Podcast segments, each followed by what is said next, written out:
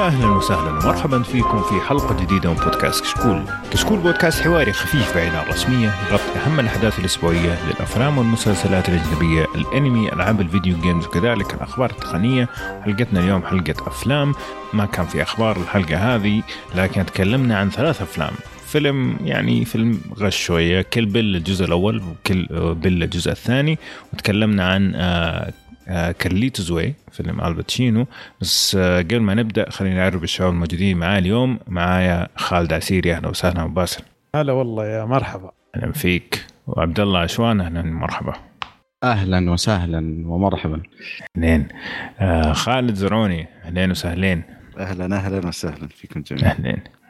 طيب آم، طبعا كل الأخبار نفس الخبر فما ما نبغى ندخل صراحة في الأخبار هذه لكن الكآبة. إي لكن طمنوني عنكم يعني كيف الأمور معكم مع مع الأوضاع عندكم وكذا. أتمنى انه كلنا ملتزمين إن شاء الله وجالسين في البيت.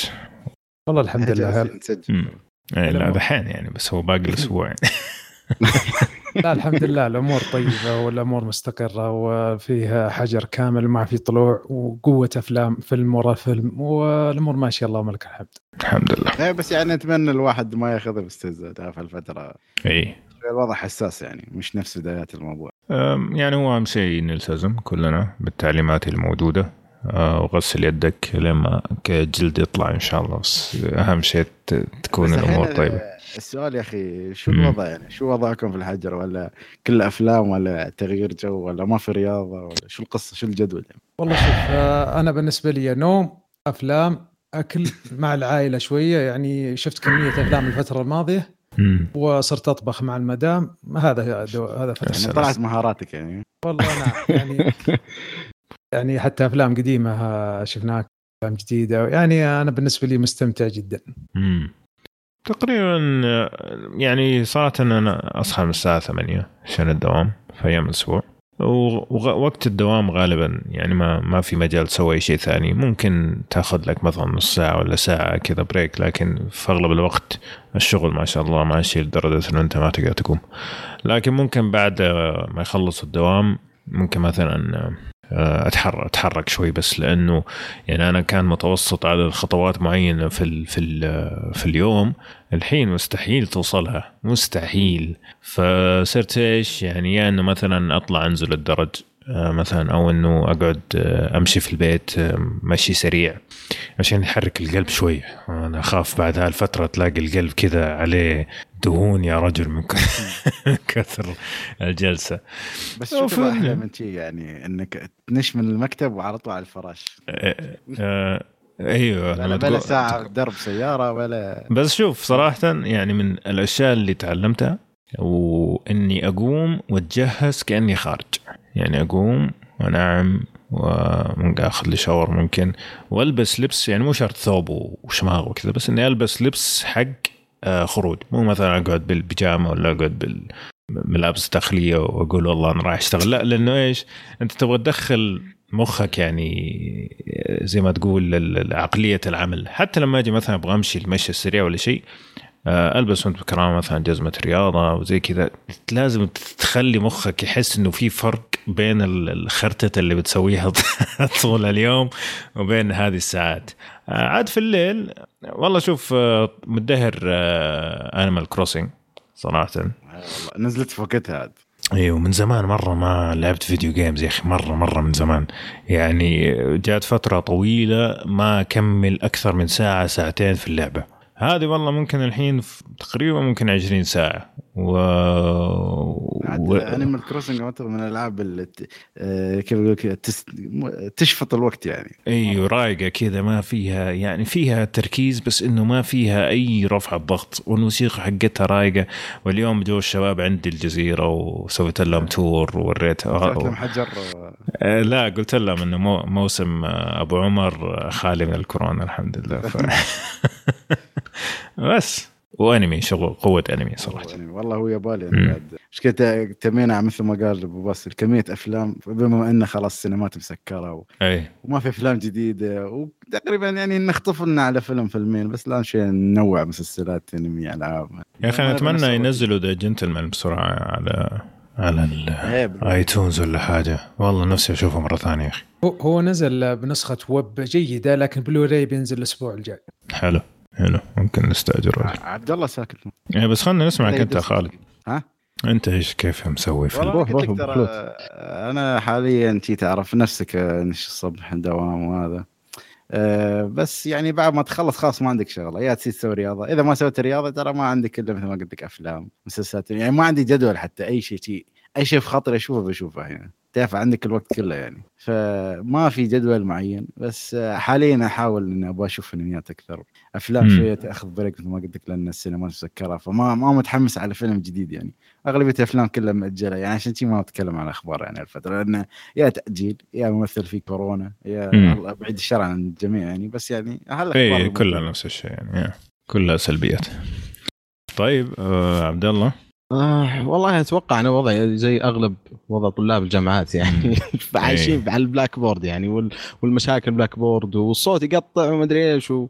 بس يعني عايشين وكذا ممكن قلت على على فترة الحجر الصحي هذا آه كذا كان كان في بعض الخطط إنه ألعب كم لعبة مثلا Life is Strange 2 آه BioShock Infinite أنا ما لحقت عليها على وقتها كذا فاتتني وتحمست أرجع ألعبها بس كذا أخذت أبو ساعة ساعتين من كل لعبه وما يعني ما قدرت أكمل ما أدري ليش يا أخي. الحجر الصحي كذا أثر على نفسي بشكل مرة كبير يعني. شباب الألعاب تكلموا قبل فترة عن الف- هذا BioShock Infinite شكلك تحمست وقلت خلني شوي أرجع. لا لا هي قبل شهر أتوقع شهرين كانت على ال Plus. وقلت والله آه، لا يعني على ال PlayStation يعني ناخذها. حملت اللعبة على وقتها وجالس ألعبها الآن يعني كذا كل أسبوع العب لي أبو ساعة يعني بالكثير ساعتين. آه، إن شاء الله بس هالحجر الصحي يعدي ونعديها على خير ونرجع لوضعنا الطبيعي؟ إن شاء الله. كيف أنتوا جربتوا الأونلاين خدمات الأونلاين هالفترة ولا؟ ها؟ من ناحية أف- بس؟ أفضل الحين. يعني سرعه التوصيل والأشياء. والله آه. للأسف الن- النت عندنا أتوقع برضو أصابه كورونا. النت صار مرة سيء. أنا عندي صراحة النت ال- ال fiber مرة سيء وحتى ال- حتى البيانات اللي على الجوال. أنا ما أدري ليش. بحكم إنهم كلهم من نفس الشركة فما أدري. لو لو في أحد عنده نفس المشكلة. لأن فيها ضغط عالمي حتى. نتفلكس آه، صارت تنزل ال- الجودة حقت الأفلام حقتها يوتيوب عشان- نفس الشيء. واليوتيوب لأن ص- يعني إذا كان يدخلون مثلا مليون الحين راح يدخلون 10 مليون. يعني فأكثر من 1000% صح. ضعف فأكيد طبيعي الضغط هذا طبيعي جدا. ورب ضاره النافع عشان تنحل المشاكل هذه مستقبل. وبعدين يعني أنت لاحظ إنه كان الضغط في ساعات معينة لكل دولة.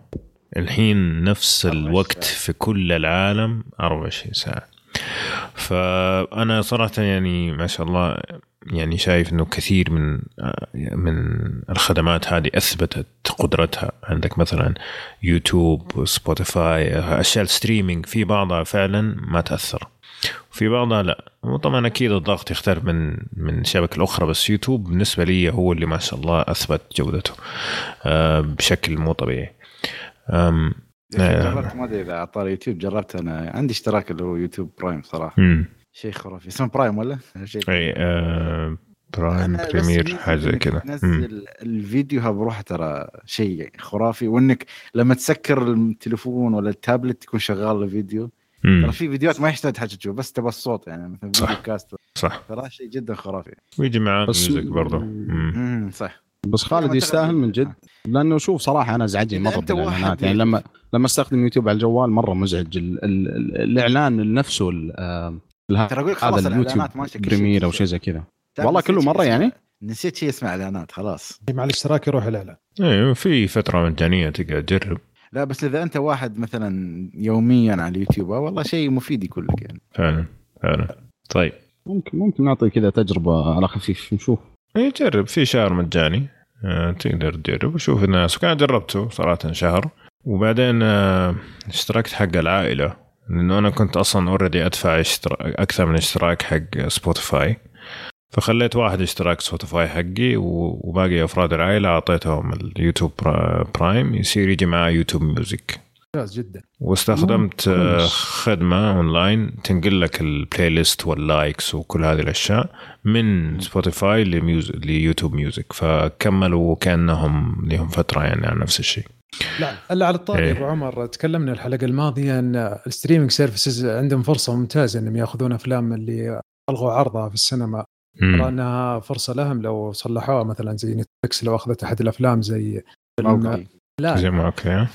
لا لا قصدي زي فيلم آه، حق ال- اللي الغوه زي No Time No Time To Die. والفيلم الفيلم الثاني حق ال- هم ما ألغوهم هم أجلوهم أجلوهم إيه بس الغاء وتأخذ الحين ترى أشوف أنا اللي أعرفه إذا خذيت هالأفلام ترى ال- المنتج لأن okay بتربح من ال streaming service بس كم فرقية الربحية إذا حطيتها في السينما وفي. الأخص هذا آخر فيلم لدانيال كريج يعني كما يشاع يعني إنه خلاص يعني ها آخر فيلم له يعني إيه بروح عامل مثل ما أقول لك باز ولا لا قول جيمس بوند انسى ما ما راح تسويها بس يعني في أفلام ثانية ممكن مثلا سمعت إيه. أفلام زي WB. زي زي مثلا فيلم Quiet Place مم. ميزانية الفيلم آه، ما هي ضخمة مرة يعني لو اشترته يعني تقريبا آه، ميزانيته أدري والله أنا الحين قاعد أفتح ال IMDb عشان أشوف بس شوف أنا والله بعد تجربة الجزء الأول حرام يعني أشوفها. إلا إذا عندك home theater يعني. بس بعد يعني تجربة السينما صدق والله تفرق يعني في وايد أفلام. أه وبالأخص بعد عندك أنا سمعت بس على الطاري هذا إن دبليو بي عندها كم فيلم منها. فيلم أفلام animation وهذا أعتقد بيخلونه على ال streaming service باراماونت قصدك؟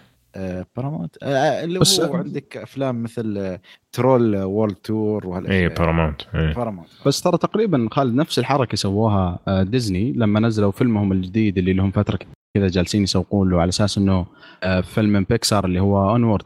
الفيلم حق توم هانكس أو sorry توم هولاند وكريس برات آه، مم. لما صارت الفترة ال- يعني البدايه على مرض الكورونا وتقريبا السينمات في العالم كلها سكرت. اللي يقول لك أصلا الأسبوع اللي راح كان أول أسبوع في تاريخ السينما اللي يكون مجموع المداخيل فيه في العالم صفر. مم. فالفيلم هذا بحكم إنه انعرض فترة. بسيطة على السينما بعدين إيه بعدها بتقريبا أسبوع زي كذا نزل على ديزني بلس. آه والفيلم برضو يعني أصلا كان حتى خيبه أمل ناس كثير. بس يعني هذه هذه اللي يقول لك من أحد الأمثلة اللي صارت على الشغلة هذه وأتمنى صراحة نشوفه يعني لو لا سمح الله طول الموضوع يعني وفترة الحجر وكذا.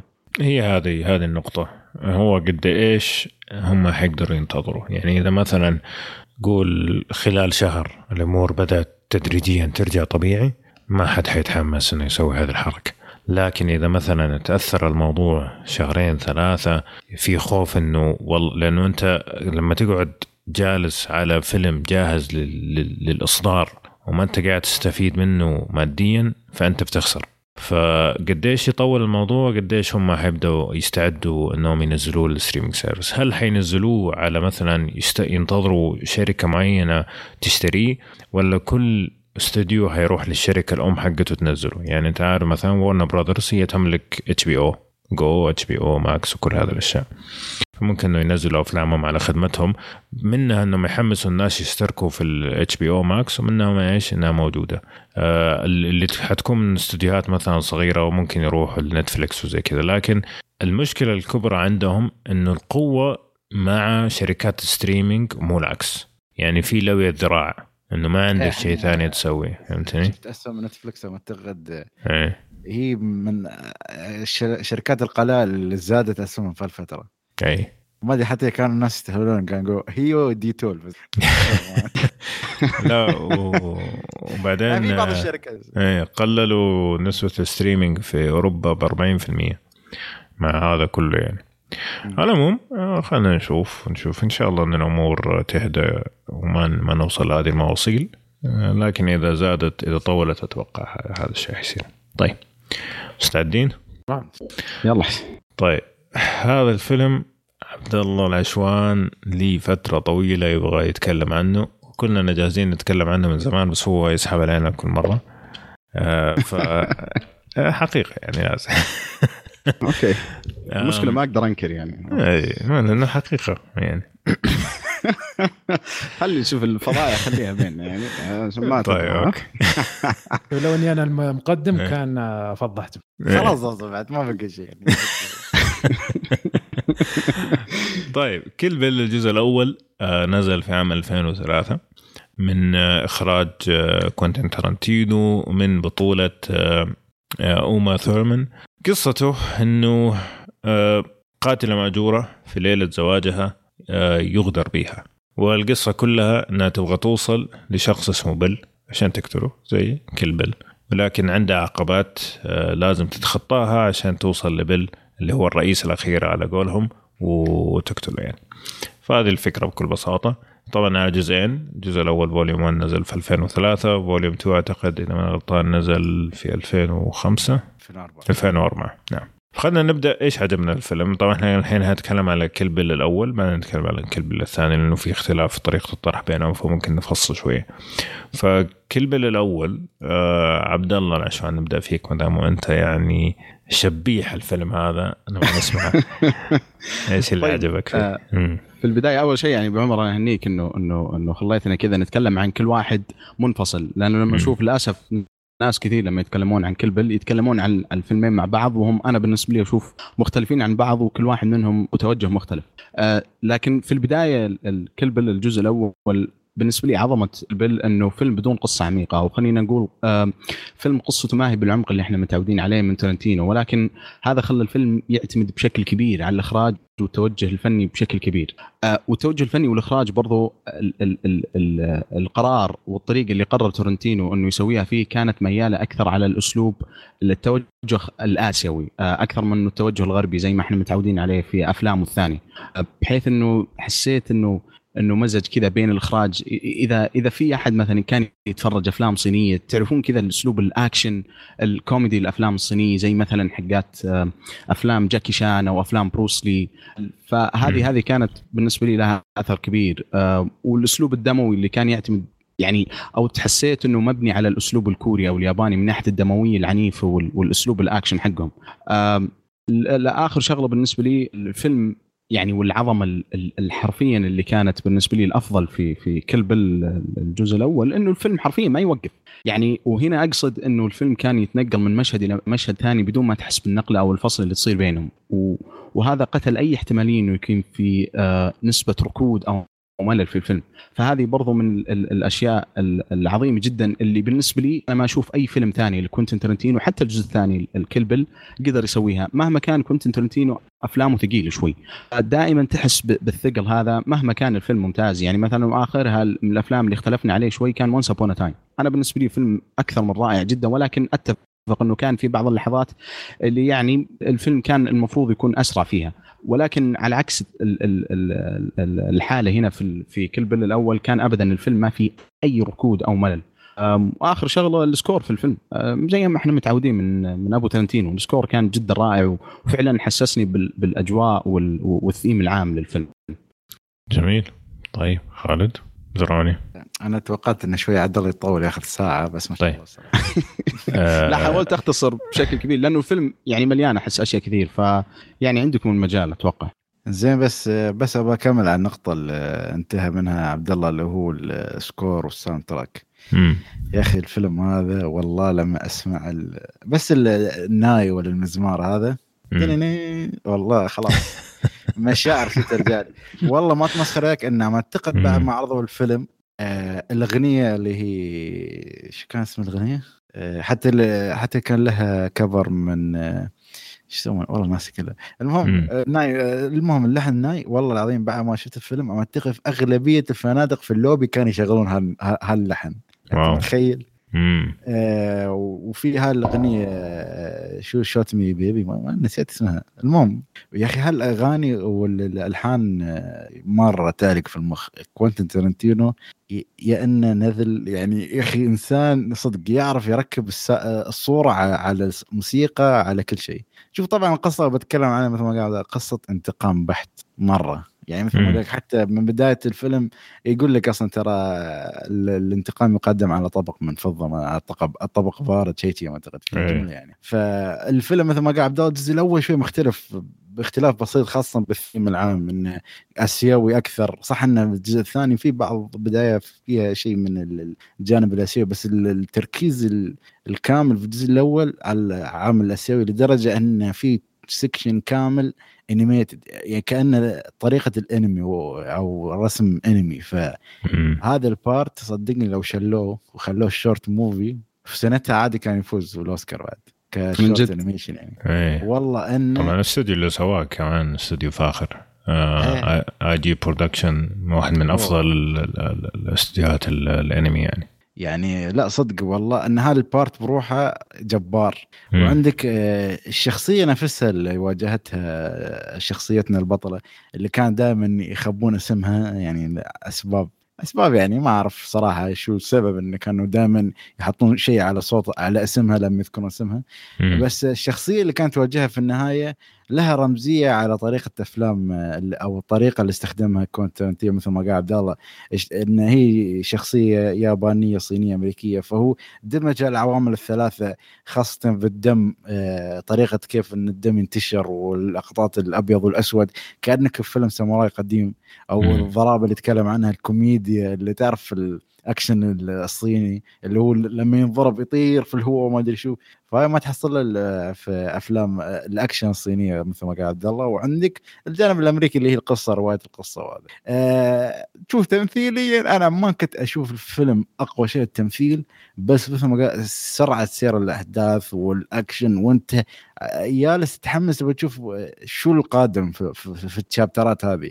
والحلو كنا اللي هو متعودين أو ما كنا تو بدايات كان كونترتينو رابع فيلم له فكان آه، أسلوب ال chapters ات كان مميز يعني. كيف كأنك تشوف آه، comic ولا ولا شيء إن القصة الأولى ب chapter 1 وتوزيعها كان جدا حلو. بس في بعض الاشياء البسيطة ممكن تخلي الواحد يضيع بس شيء بسيط مرة يعني ما يبغى له ذاك التركيز بس يعني لازم يميز مثل الماضي مثل الحاضر.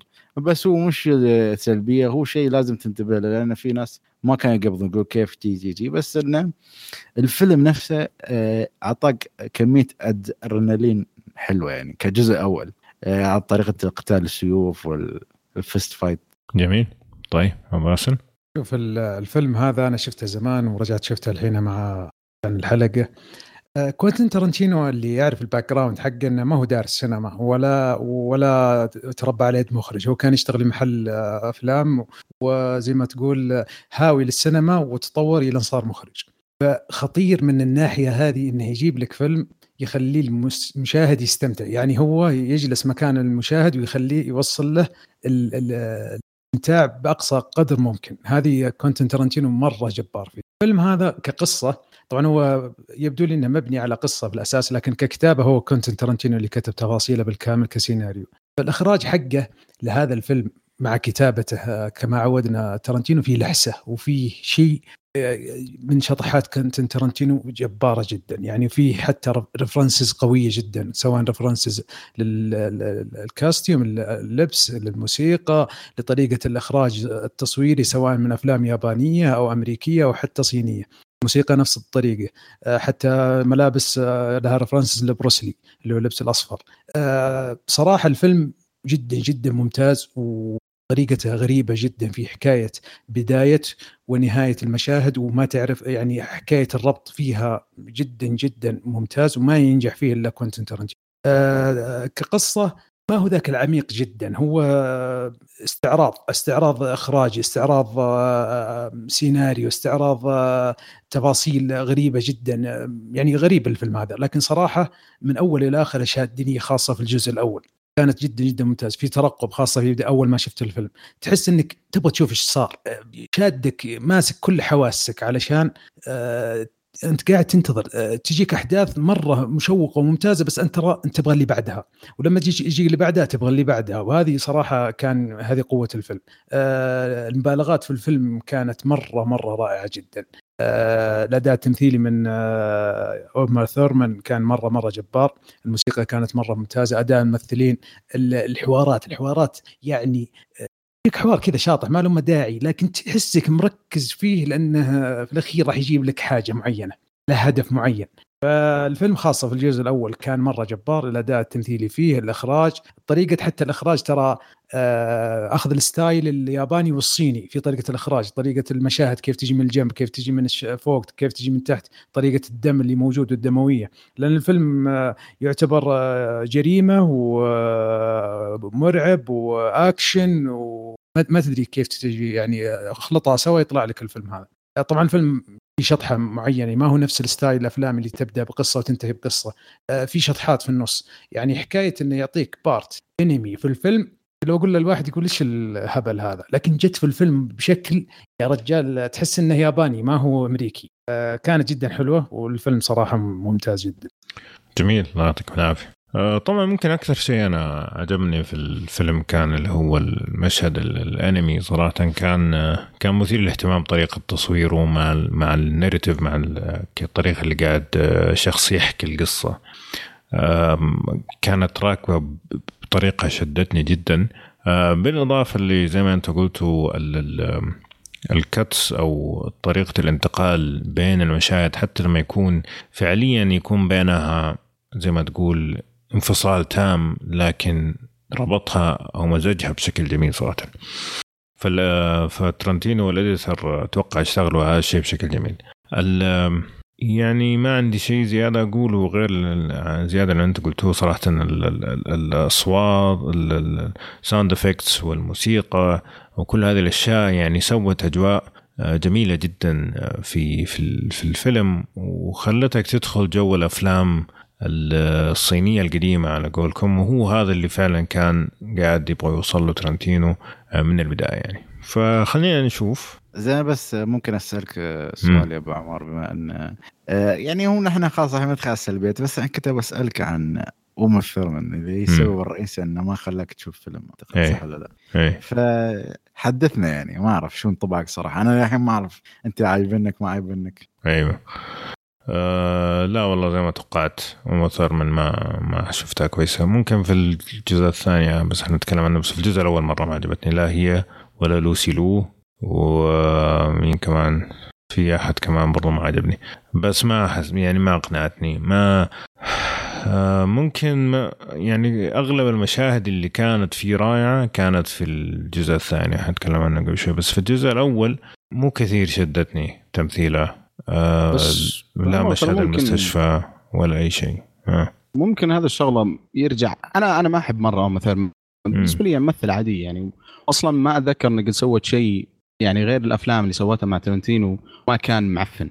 يعني يعني بالله يعني هي سوت باتمان ريتيرنز. أتوقع ما في أسوأ من كذا. أشوف إنه اداها في الجزء الأول التواضع اللي كان في اداء ما كان بشكل كامل يرجع عليها. ممكن مساحة الدور أصلا ما كانت تساعد.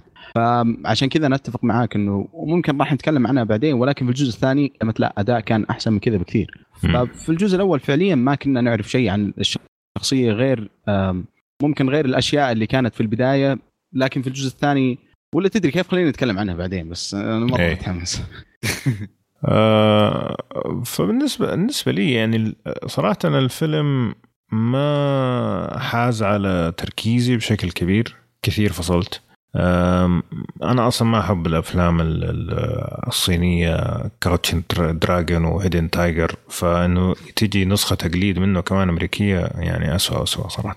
فهذه ما شد طريقة القتال. كان في أشياء جميلة في التصوير السينمائي. لكن برضو زي ما تقول شغل الصينيين هذا آه، قتلها بالنسبة لي إنه. أنا ما استمتع فيه قد يكون جميل في نظر بعض الناس أنا بالنسبة لي هذا الشيء ما تشدني غير كذا يعني افتقدت كل شيء أنا أصلا يعجب تعجبني تعجبني في في. في أفلام ترنتينو منها ال- المحادثات اللي ما لها داعي آه، الصمت ال- كل هذه الأشياء في الفيلم هذه ال- النقاط هذه حسيتها نقاط ضعف وليست قوة. طبعا أنا قاعد أتفرج على كل أفلام ترنتينو ورا بعض عشان أبغى أسوي فيديو في يوتيوب عليها. آه، فمرة بان معايا فرق الجودة في الفيلم هذه في استخدامه لهذه الأمور اللي هي الحوارات اللي ما لها داعي لكن تضيف من تعلقنا بالشخصيات والصمت. في الفيلم هذا مرة ما عجبتني حسيتها من جد فصلتني على غير باقي الأفلام. ولاحظت كمان إنه يعني بشطح شوية إنه كل ما ترنتينو يتقدم في في الأفلام كل ما تقل قدرته على استخدام هذا الشيء هذا الشيء.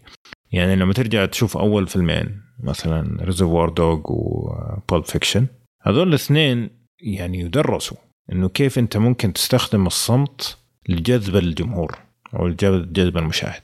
هنا ما حسيت هذا الشيء ابدا. مليت كثير وأنا قاعد أتفرج صراحة. لكن ما أبغى آه، آه، شو اسمه استرسل في السلبيات. ودي أسمعكم وبعدين نتناقش. فخليني آه، أبدأ معك وباسل مع إنه كنت آخر واحد آخر مرة. آه شوف أنا أشوف من سلبيات الفيلم. طبعا أنا أذكر إني شفته على وقته كان يعتبر في ذاك الوقت كان يعتبر شيء عظيم وجبار. آه اللي ما عجبني الحين إني أحس إن الفيلم قدم. يعني آه أكل عليه الزمن يعني هو يشوفه واحد. صار يشوف أفلام في الجيل يمكن 15 20 سنة يشوف أفلام ورجع يشوف الفيلم هذا يحس إن الفيلم قدم شوية. في مشهد قد تكلمت مع عبد الله زمان عنها اللي هو السيارة مشهد الأصبع آه هذا شيء أنا آه مريت بنفس الحالة وقد قلت لعبد الله بذكر كذا شفناه فيلم كل بل وتكلمنا عنه. آه فكان كان الفيلم هذا مأثر جدا. آه شوف الفيلم هذا أنا أحس إنه ما يصلح للكل. الفيلم هذا يعني تحس إنه شطحة. يعني كوينتن ترنتينو عنده فلوس ويبي يصلح فيلم في باله معين لأنه يحب ال genre هذه وقام يصلح إبداعاته. يعني ما هو فيلم فيلم تقدر تمسك فيه يعني تقول قصة قوية أو إخراج جبار أو هو تحس إنه combination بأشياء كثيرة. يابانية على صينية على موسيقى على إبداع إخراجي على مبالغات على أشياء خيالية على أشياء يعني لحسه الفيلم يعني. فانا بالنسبة لي أشوف الممتع لكن أحس إنه قدم يعني الحين يوم شفته ما حسيت بنفس الاستمتاع لما شفته في لحظته. ف يعني حتى تقييمي له دخلت على IMDb نزلت في تقييمه. مع إني حطيت له تقييم مرة ممتاز لما شفته في لحظته يعني. فأحس إن الفيلم هذا تكون سلبية. لأن إذا في فيلم لاني توي شايف Godfather آه زادت العظمة. في بعض الأفلام لا تقل العظمة مع مع تسارع الوقت يعني. امم okay خالد زرعوني. شوف بس أنا ب... يعني ما عندي ذاك السلب بس سلبيتين اللي هم يعني خليك من التمثيل أنا ما ركزت عليه وايد أصلا بس انه في بعض الانتقالات اللي بين مكان لمكان حسيتها ويس أندرسونية اللي هي كأنه لعبة خاصة في الطيارة يعني. حسيت شيء مرة طلعني من المويه أنا طالع أبغى أشوف إيد الشخص اللي ماسك الطيارة وهو يلعب فيها. زين؟ آه، الشيء الثاني الشيء الثاني آه الأكشن. هو طبعا فيلم يعني تخيل لدرجة ان آخر نص ساعة كمية أكشن.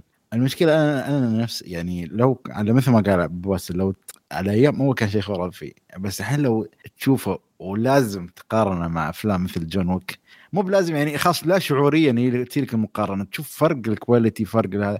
ممكن سابقا كان في بعض ال limitation وهذا بس تحس outdated تصدق من ناحية هاي. أنا أعرف انه كوينتن ترنتينو بوصل لك إنه هو مستلهم هالشيء من السينمات أو أو مثل ما أقول لك دول أخرى مثل اليابان والصين. بس لما تشوفه في عصرنا الحالي تحسه مثل ما أقول لك أكثر شيء حركات فيها كيف أقول لك ترتيب معين. يعني مش مش قتال قتال ما تحس إن ملحميه القتال غير من ناحية التقطيع وهذا فقط. يعني خلني أعطيك مثال يا خالد مصداق كلامك. مثلا زي فيلم ماتريكس الجزء الثاني. فيه مشهد قتالي أسطوري في لحظته. الحين اللي يشوفه يقول يا أخي ما مش حلو لكن في لحظته كان مرة أسطوري وجبار. فهذا اللي لقيته في نفس فيلم كلبل مع إنه مع إنه لو ترجع لماتريكس الأول أنا أتفق معك ترجع لماتريكس الأول مع قدمة المؤثرات البصرية لكن ما زال إلى اليوم تشوفه آه يعني جميل ممتع. طيب. امم اسلم خالد. بس شوي بس كت... خالد تسمح لي النقطة هذه أنا أحس المقارنة شوي بس أنا بس بقول لك شيء قبل ممكن. أنه أسلم أنا بس أقول لك يعني هاي كان نهاية نقطتي أنه أصلا أنا فاهم عليك أنه أنا ما بقارن بس لا شعوريا خلاص. أنا شفت اللي, اللي نحن واصلين له الحين عرفت؟ بس هلا بوصل له يعني. أنا بس كمل يعني عشان أشوف شو تبغى تقول أنت. بس أحس المقارنة مع ماتريكس أو أو حتى أي فيلم ثاني مثلا يعتمد على الأكشن اللي بشكل كبير مبني على ال visual effects أشوفه يعني صراحة مو عادل لأنه أغلب الأكشن اللي كان موجود في كل بل كان بشكل كبير يعتمد على المواجهة اللي يعني واحد ضد واحد أو مجموع ضد مجموعة ناس. فكانت بشكل كبير تعتمد على stunt doubles واللي هذا الشيء يعني كان موجود مثلا في The Matrix بس كان ماتريكس معروف إنه في وقته كان نقلة نوعية ضخمة من ناحية المؤثرات البصرية على عكس كل بل اللي ما كان يعتمد عليها ابدا. ما أشوف أنا صراحة إنه هذه يعني مقارنة في محلها بس ممكن تعليق على النقطة إنه الاكشن قدم بالعكس أنا ما أشوفه. لأنه ترى من بعد كل بل إيش ال ال الأفلام الاكشن اللي جت من بعده اللي كانت تعتمد على نفس أسلوب الاكشن اللي هو الاكشن كذا الكونغ فو مع مدري إيش أنواع القتال الصينية واليابانية والسيوف كان فيه. فبناء على إيش حتحط المقياس؟ يعني هذا هذا بالنسبة لي. أنا بصراحة لما شفته يعني ال- ال- الأثر اللي حسيت فيه كذا يعني عيني لما كانت تشوفه كأنها المرة الأولى صراحة استمتعت فيه. ممكن عفى عليه الزمن من ناحية إنه في بعض الأشياء اللي تحسها ما أدري يعني مثلا الشخصية اللي معاها السلسلة وال وال وال, آه، وال عرفت؟ ال- البنت اللي إيه. ما أدري أحسها هذه مرة سخيفة بس أي شيء ثاني ما ما حسيت إنه فعلا عفى عليه الزمن. ف لا أنا كنت بقول لك يعني عبد الله إن أنا فاهم نقطتك. يعني شوف هو كونستانتينو صور بطريقة اللي مثل ما يبغى يقدم لها احترام خاصة الطريقة اللي صور فيها.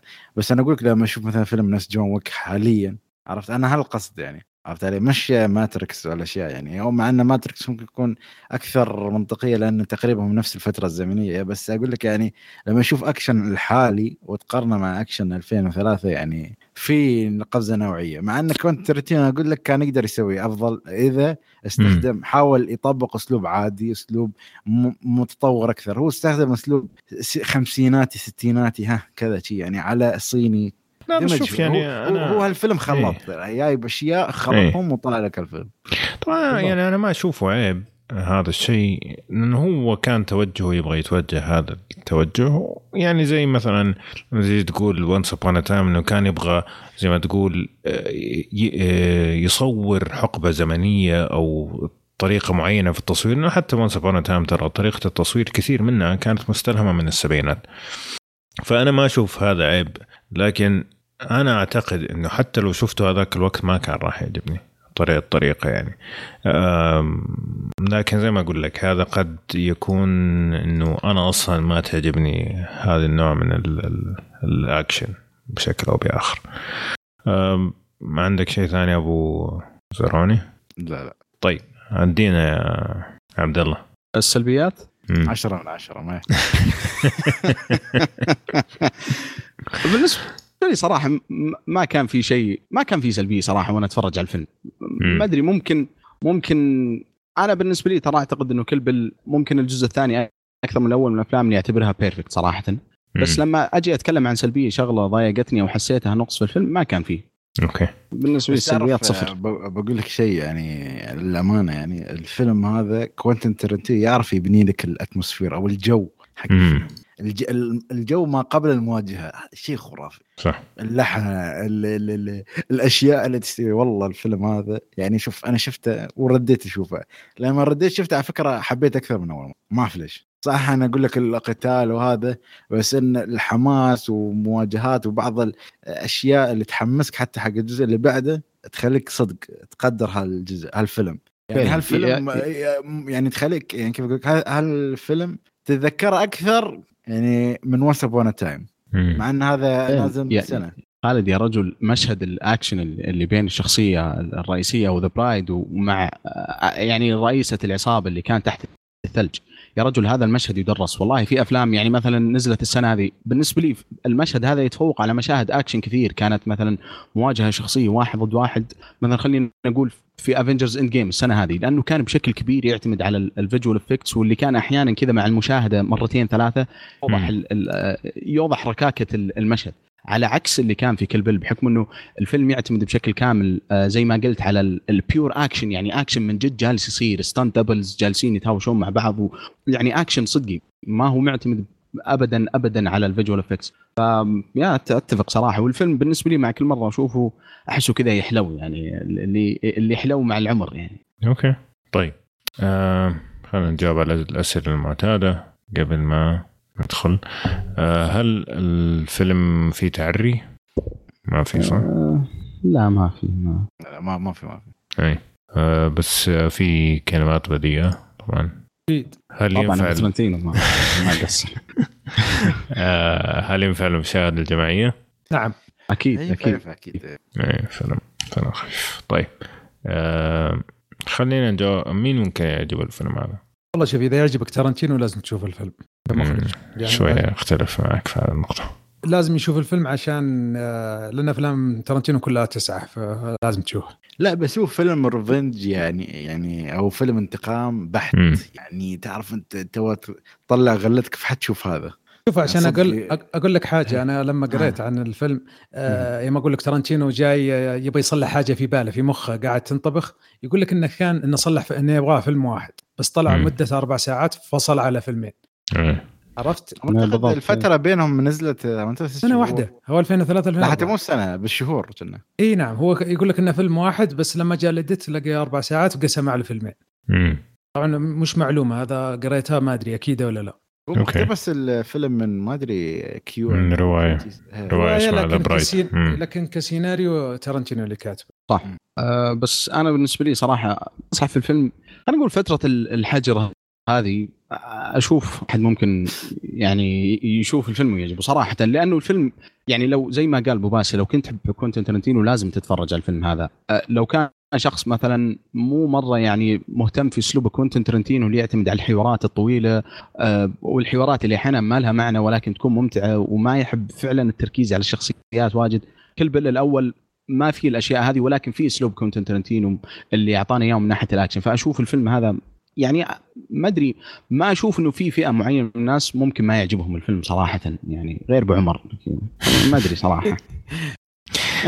آه لا شوف آه، مية في المية لو ما كانت تعجبك أفلام الصينيين هذه ما راح يعجبك الفيلم هذا مية في المية. آم، لأنه إذا أنت مبالغات؟ شلت لا لا مو مبالغة يعني التص- تصوير ال- ال- المعارك هذه ال- اللي اللي هو زي ما تقول الأسلوب الصيني أو الياباني في أفلامهم القديمة ما راح يعجبك. لأنه إذا أنت شلت منه هذا وبتدور على أشياء ترنتينو اللي أنت متعود عليها ما راح تلاقيها. ما في ولا شيء. ترنتينو ترنتينو غير الأشياء اللي موجودة في وسط المعارك. لكن لا حوارات موجودة تستحق إنك والله تقعد تسمعها ولا تحفظها. لا آم، شو اسمه آه، زي ما تقول آه، ممكن بس ال- ال- السمرة اللي في البداية اللي كان بينهم زي ما تقول فعليا زي ما تقول آه، يسموه. يعني إنه تشبك الش- الشخصيات مع بعض بطريقة بأخرى ما راحت الكلمة اللي أبغى أقولها. آه، ف فال- ال- ال- ت- آه، الشخصيات okay. حتى في فترة بسيطة يعني حتى مثلا تجي تشوف أفلام ثانية تورنتينو قد يكون الشخص بينه وبين واحد ثاني المشهد ما يتعدى ثلاث دقائق. لكن في تجانس بينهم في المشهد نفسه آه، يدخلك أنت جو okay. أنا هذا ما حسيته أبدا. في في الفيلم هذا ممكن بس اللي مع السمرة اللي في البداية. فقط حتى المشاهد اللي كانت بين الشخصيات وبينها وبين شخصية ثانية بال- بعشرة دقائق ما حسيت بهذا الشيء. ففعليا ما في ولا شيء من اللي يميز أفلام ترنتينو غير الأكشن كان وإذا ما يعجبك كان نوع من الأكشن ما راح يعجبك الفيلم زي اللي صار صار معي بالضبط. فبالنسبة لي أنا يعني تقول لي نهاية الكلام هل تنصح أو ما أنصح؟ أقول لك ما أنصح. صراحة ما عجبني الفيلم ابدا. الأول. الجزء الأول ما عجبني. okay. البتة. بس مم. كنت بقول عشان لأن في بداية كلامي كنت أتكلم عن أغنيتين بس أبغى أقول اساميهم اللي هم. أغنية Bang Bang ما أدري كيف نسيت اسمها يعني هو دائما يقولون اسمه ونسيت. والثاني أصلا أصلا ما الأغنية ما فيها إلا Bang Bang بس. إيه، بس ما أدري كيف نسيت إلا. والثاني أعتقد اسمه Lonely Shepherd ولا Lonely Shepherd ما أدري كيف اللي هي الفلوت والمزمار. لا الموسيقى كانت حلوة والله. لما أسمعهم والله Kill Bill خلاص يطلع في Kill Bill حلو. طيب. تنصح ولا ما تنصح عبد الله؟ لا طبعا أنصح أنصح أي، و-. وبقوه خالد. أنا أنصح بقى. خالد عباس. إي نعم أنصح. طيب تقييم الفيلم ثلاثة من أربعة. جميل؟ جميل. طيب يعني أنت خلنا بس السؤال الأخير قبل ما يعني مم. انت طلع طلعت أم الثرم يعني واحدة من العوامل الرئيسية إن الفيلم عجب في النهاية يعني. إي يعني أنا ما شفته عشان أم ثور من ما تعجبني. وما خاب أملي فيها برضو طلعت معي بس كويسة. يعني الحين في النهاية تقدر تناقش الناس يعني. إي لا. وغير كذا وفوق هذا كله ما عجبني الفيلم أصلا. فيعني يا يعني أنا اللي أديت اللي علي على. طيب خلينا نجي ل Kill Bill Volume 2 آه، طبعا القصة تكمل في وصولها للرئيس الأخير اللي هو بيل عشان تقتله. فخلنا ندخل على طول. طبعا طريقة طرح الفيلم مختلفة. الفيلم الأول ركز بشكل كبير على الأكشن وجزئيات معينة من الدرامي الدراما حقت الشخصية الجزء الثاني ركز على الدراما بشكل أكبر لكن مع وجود الأكشن فخليني أرجع لك يا عبد الله وقول لي إيش اللي آه، عجبك تمام. في الجزء الثاني مم. بالنسبة لي كل الجزء الثاني كان مختلف يعني بشكل كبير بأسلوب طرحه عن الجزء الأول حسيت الجزء الثاني كان في لمسة تارانتينو أكثر من الأول من ناحية التركيز على الشخصيات وعلاقاتهم. شخصية أوما ثورمان شفنا لها كم مشهد فلاش باك. يعني كيف أصلا اكتسبت المهارة هذه إنها تكون أساسا وكيف إنها المهارة قدرتها العالية في استخدام السيف اللي كانت مع شخصية والله نسيت اسمه بس كانت شخصية مرة ممتازة. آه وبرضو ال ال ال يعني من ناحية ثانية الجزء الثاني حسيت عنصر الأكشن والقتال فيه الدموي كانت أقل بكثير ولكن هذا ما أثر على جودة الفيلم.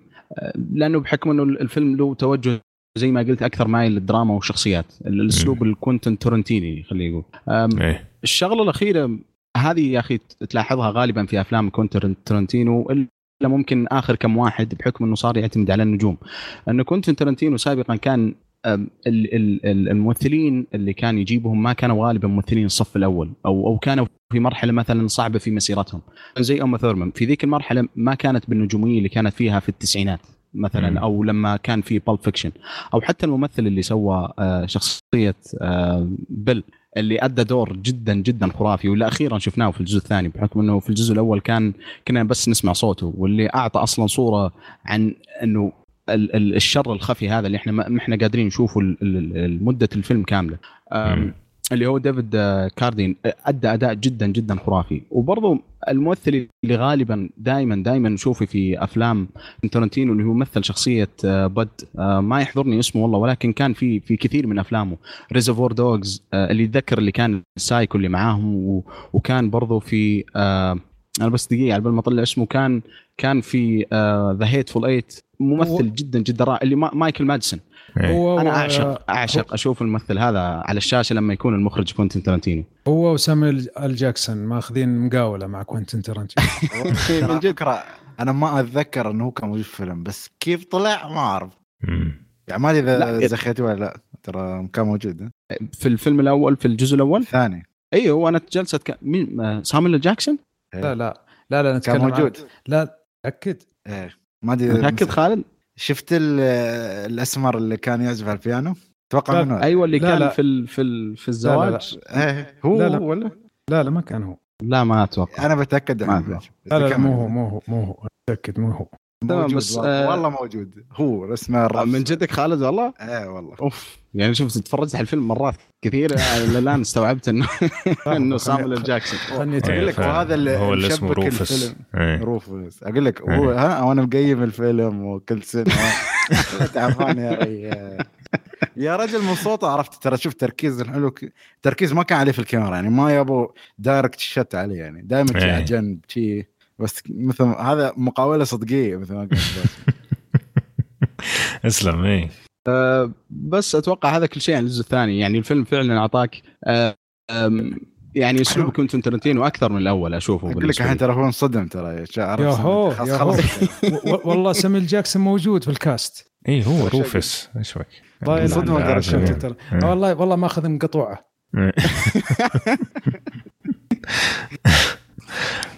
آه، طيب الحين تبغى تكمل ولا صعقت يا عبد الله؟ عشان بس نروح اللي بعدك. الفيلم بقى 17 لا لا خلاص ما ما ما في شيء يعني ما, ما في شيء يعني بعد الصدمة هذه صراحة. طيب اعطينا خالد زرعاني. آه، شوف آه، مثل ما قلت يعني هو جدا الجو الفيلم مختلف. ومثل ما قال عبد الله الممثل اسمه مايكل شو اسمه عبد الله ذكرني فيه بس؟ مايكل ماديسون. مايكل ماديسون. والله إن هذا مسوي جو خاصة في الجزء الثاني. تحس الحوارات الحلوة اللي كانت بينه وبين كان في حوار واحد يعني. آه، كان في شوية ركاك بس كان اللي معنا منه والمصطلح الأخير أو ال conclusion والنتيجة من هالحوار كان جدا حلو. يعني اللي بيستوي بيستوي. فخلنا نعيش حياتنا طبيعية. فالشيء الثاني بعد ال ال ال ال الفيلم الحلو فيه هذا كان في عدة شخصيات. يعني مشكلة الجزء الأول كان تركيز على شخصية واحدة اللي هي آه، شخصية أوما ثورمان تبغى تنتقم منها. كان ففيلم ساعتين تقريبا متمحور أو تبغى تقتل شخصية واحدة. هنا كان على الأقل ثلاث أربع شخصيات فكان في شوي اختلاف في الأجواء والمصالح والاشياء فهنا مثل ما قلت بدأت دراما كوينتن تارانتينو اللي هو آه هذا ليش جاي عنده مصلحة ويبغى ياخذ منها؟ وكل واحد يعيش على الثاني يعني. فهالحلو اللي سواه الفيلم. يعني أنا الفيلم الثاني عجبني أكثر من الأول مع إن الأول عجبني بس الثاني كان في هالأشياء التفاصيل هذه آه، آه، شو الأشياء المخفية بين الأعضاء اللي ما حد يعرفهم أو اللي ما يعرفون إلا أعضاء معينين عرفت يعني زين فأقول لك العلاقات اللي بين الشخصيات في الجزء الثاني كانت أقوى وأفضل من الجزء الأول اللي كانت مبنية بس على قصة انتقام أكثر مما في الجزء الثاني وكانت عواقب وعقبات الجزء الثاني أصعب. خاصة في ناس مستعدين لها يعني عرفت فهالشيء الحلو كان في الجزء الثاني والحوارات طبعا والتمثيل مثل ما أقول لك يمكن أم ثورمان كان أفضل بشوية مع إنه كان في فترات يعني تفاوت. وكان الفرق طبعا أنا ما أدري إذا أنتم لاحظتوا شيء الجزء الأول والجزء الثاني ترى حوارات في الجزء الثاني أكثر يعني. الجزء الأول أي. أغلبيته أكشن صراحة يعني. ما صحيح. ما نعطيها حقها صحيح. أبو باسم؟ والله شوف أتفق مع الشباب في حكاية إن الجزء الثاني كان فيه حوارات آه، مرة ممتازة. في ترقب زيادة لأن إحنا نبغى نشوف الشخصية الأخيرة اللي هو اسم الفيلم اللي هو بيل آه، يعني كان أبغى نبغى نشوفه وحواراته كانت مرة ممتازة وكان الأداء التمثيلي مرة ممتاز. الجزء الأول كان فيه تمثيل في الجانب الياباني كان ممتاز وفي الجزء الثاني اللي هو الرفرنس على أشياء صينية كانت برضه جيدة أنا عجبتني صراحة. تقريبا هذا اللي زي واتفق مع الشباب اللي قالوا يعني ما نبغى نكرر الكلام. بالضبط آه بالضبط يعني آه هذا الفيلم كان أقرب لفيلم تارانتينو آه زي ما تقول تقليدي من الجزء الأول آه وح ويعني ما أحس إنه الفيلم أتصور كامل وانقسم انقسم نصين. أحس إنه كأنه مرتب بهذه الطريقة. طبعا هو فكرة الفيلم صحيح مبنية على رواية لكن آه أيام Pulp Fiction كانت الفكرة مشتركة بين أوما آه، كوينتين تارانتينو إنهم يسووا فيلم أقرب للأفلام الكونغ فو حقت السبعينات. وهذا زي ما كان طاغي في الفيلم الأول. لكن في الفيلم الثاني حسيت إنه تارنتينو فعلا كذا أخذ الرواية بطريقته هو أكثر من فقط يبغى يسوي فيلم حقبة زمنية. وأعتقد بالنسبة لي نفس المشكلة اللي عندي في في Once Upon a Time إنه بالقوة يبغاك تحس إحساس معين أو فترة زمنية معينة أو أفلام معينة كان المشكلة اللي عندي في الفيلم الأول. طريقة ال sound effects كل هذه الأشياء بعضها كان يعني تحسه مغصوب. يعني okay هو جميل إنه أوه والله يذكرني بهذيك الأيام بس ما ما تحسه مزبوط. هذا الفيلم ما حسيت هذا الإحساس ابدا. ما حسيت إنه في حاجة مغصوبة. حسيت إنه مع إنه كان أقل اكشن بس إنه حسيته أكثر سلاسة. آه مرتب بطريقة تحسها عشوائية لكن فعليا مرتب بطريقة أكثر آه زي ما تقول آه دقة بالنسبة للمشاهد. الحوارات اللي فيه حتى يعني كثير منها تذكر لما قلت في الجزء الأول إنه كيف أحيانا الصمت يكون أقوى شيء في حوارات تارانتينو ه- هنا حسيته بشكل كبير. خاصة في آخر ربع من الفيلم أو ثلث من الفيلم الصمت كان مؤثر أكثر من أي حوار كان موجود في في الفيلم. ففعلا شدني الفيلم أكثر بكثير من الجزء السابق بكل هذه الأمور. خلينا نشوف إيش اللي اللي ما عجبكم. آه، وأبدأ معك يا عبد الله يعني شوف أنا في الجزء الأول ما كان في شيء وأنا أصلا أفضل الجزء الثاني على الجزء الأول. فإذا ال- الأول هو أقل بالنسبة لي ما في شيء فأتوقع هنا أصلا صفر. يعني إنه أصلا الواحد يطلع سلبيات على كل بالجزء الثاني بالنسبة لي هذه يعني اهنيه صراحة القدرة اللي وصل لها يعني للملاحظة السينمائية وال, وال, وال... لا والله بس حقيقة الجزء الثاني بالنسبة لي يعني زي ما قلتوا بحكم إنه كان كوينتن ترنتينو أكثر استمتعت فيه صراحة أكثر شوي. ف- ما كان فيه سلبيات وحسيته خفيف. يعني مع, إنه تابع على الأسلوب ال- حق كوينتن ترنتينو ولكن كان أخف بكثير من أفلامه الثانية. يعني بحكم إنه كان في لمسة الأكشن كثيره مرة يعني مقارنة بأفلامه الثانية يعني باستثناء كيل بيل فعشان كذا صراحة ما حسيت في أي سلبيه ابدا. يعني في الجزء الأول ما في- sorry في الجزء الثاني ما كان في أي شغلة تضايقني صراحة وأنا أتفرج. لا أنا بس كان عندي شيء واحد اللي هو آه كيف أقول لك تعرف الجزء الأول كان عندك النتيجة وكيف حصلت قدراتها في الجزء تقرب من المايك شوي بس عبد الله لا، أقول لك آه، في- في الجزء خالد. الأول. إيه. إيه. إيه. الجزء الأول آه، عندك تعرف أنت وصلت النتيجة اللي كيف حصلت ال- المقدرة اللي عندها هي في الجزء الثاني هنا يشرح لك آه، شو استوى أو ال flashbacks أو الماضي مال الشخصية نفسها تم التركيز عليه أكثر مم. بس حسيت إنه تم التركيز عليه أكثر بزيادة يعني أنا هالشيء أنا فضلت أنا المشكلة خلاص تعودت على قراءه أكشن جيت الجزء الثاني مرة خف خف الدعسه يعني. فهنا حسيت ال balance شوية ضعف مع انه آه قلت لك لو شوية نقص لي منها part الصين ولا التدريبات هذه كان بيكون أفضل لي أنا عشان كنت أبغى أشوف أوصل لقصة الانتقام اللي بتوصل لنهايتها يعني. okay. أبو باسل والله ما عندي سلبيات كثيرة إلا واحدة تقريبا هي اللي فصلت عندي. في إحدى مراحل الفيلم في الجزء الثاني آه، صح إن الفيلم خيالي وفيه مبالغات وأشياء غير منطقية لكن في حاجة كانت over زيادة عن اللزوم ما راح أقول عشان لا يكون حرق آه، ما عجبتني صراحة. يعني حتى كان فيها reference أو فلاش باك يشرحها لكن برضه ما أقنعت. فخربت علي خلتني أفصل في الفيلم. هذه بس الحاجة الوحيدة اللي أذكرها ولا البقية كلها إيجابية؟ والله أنا ما حسيت إنه الفيلم كان يحتاج ساعتين وثلث يعني حسيت إنه كان أكثر من اللازم صراحة. يعني كان كان ممكن يوصل لنفس النقطة ممكن نص ساعة أقل. بس حسيت إنه طبعا ترنتينو يحب ياخذ راحته ما, ما هي دائما مشكلة.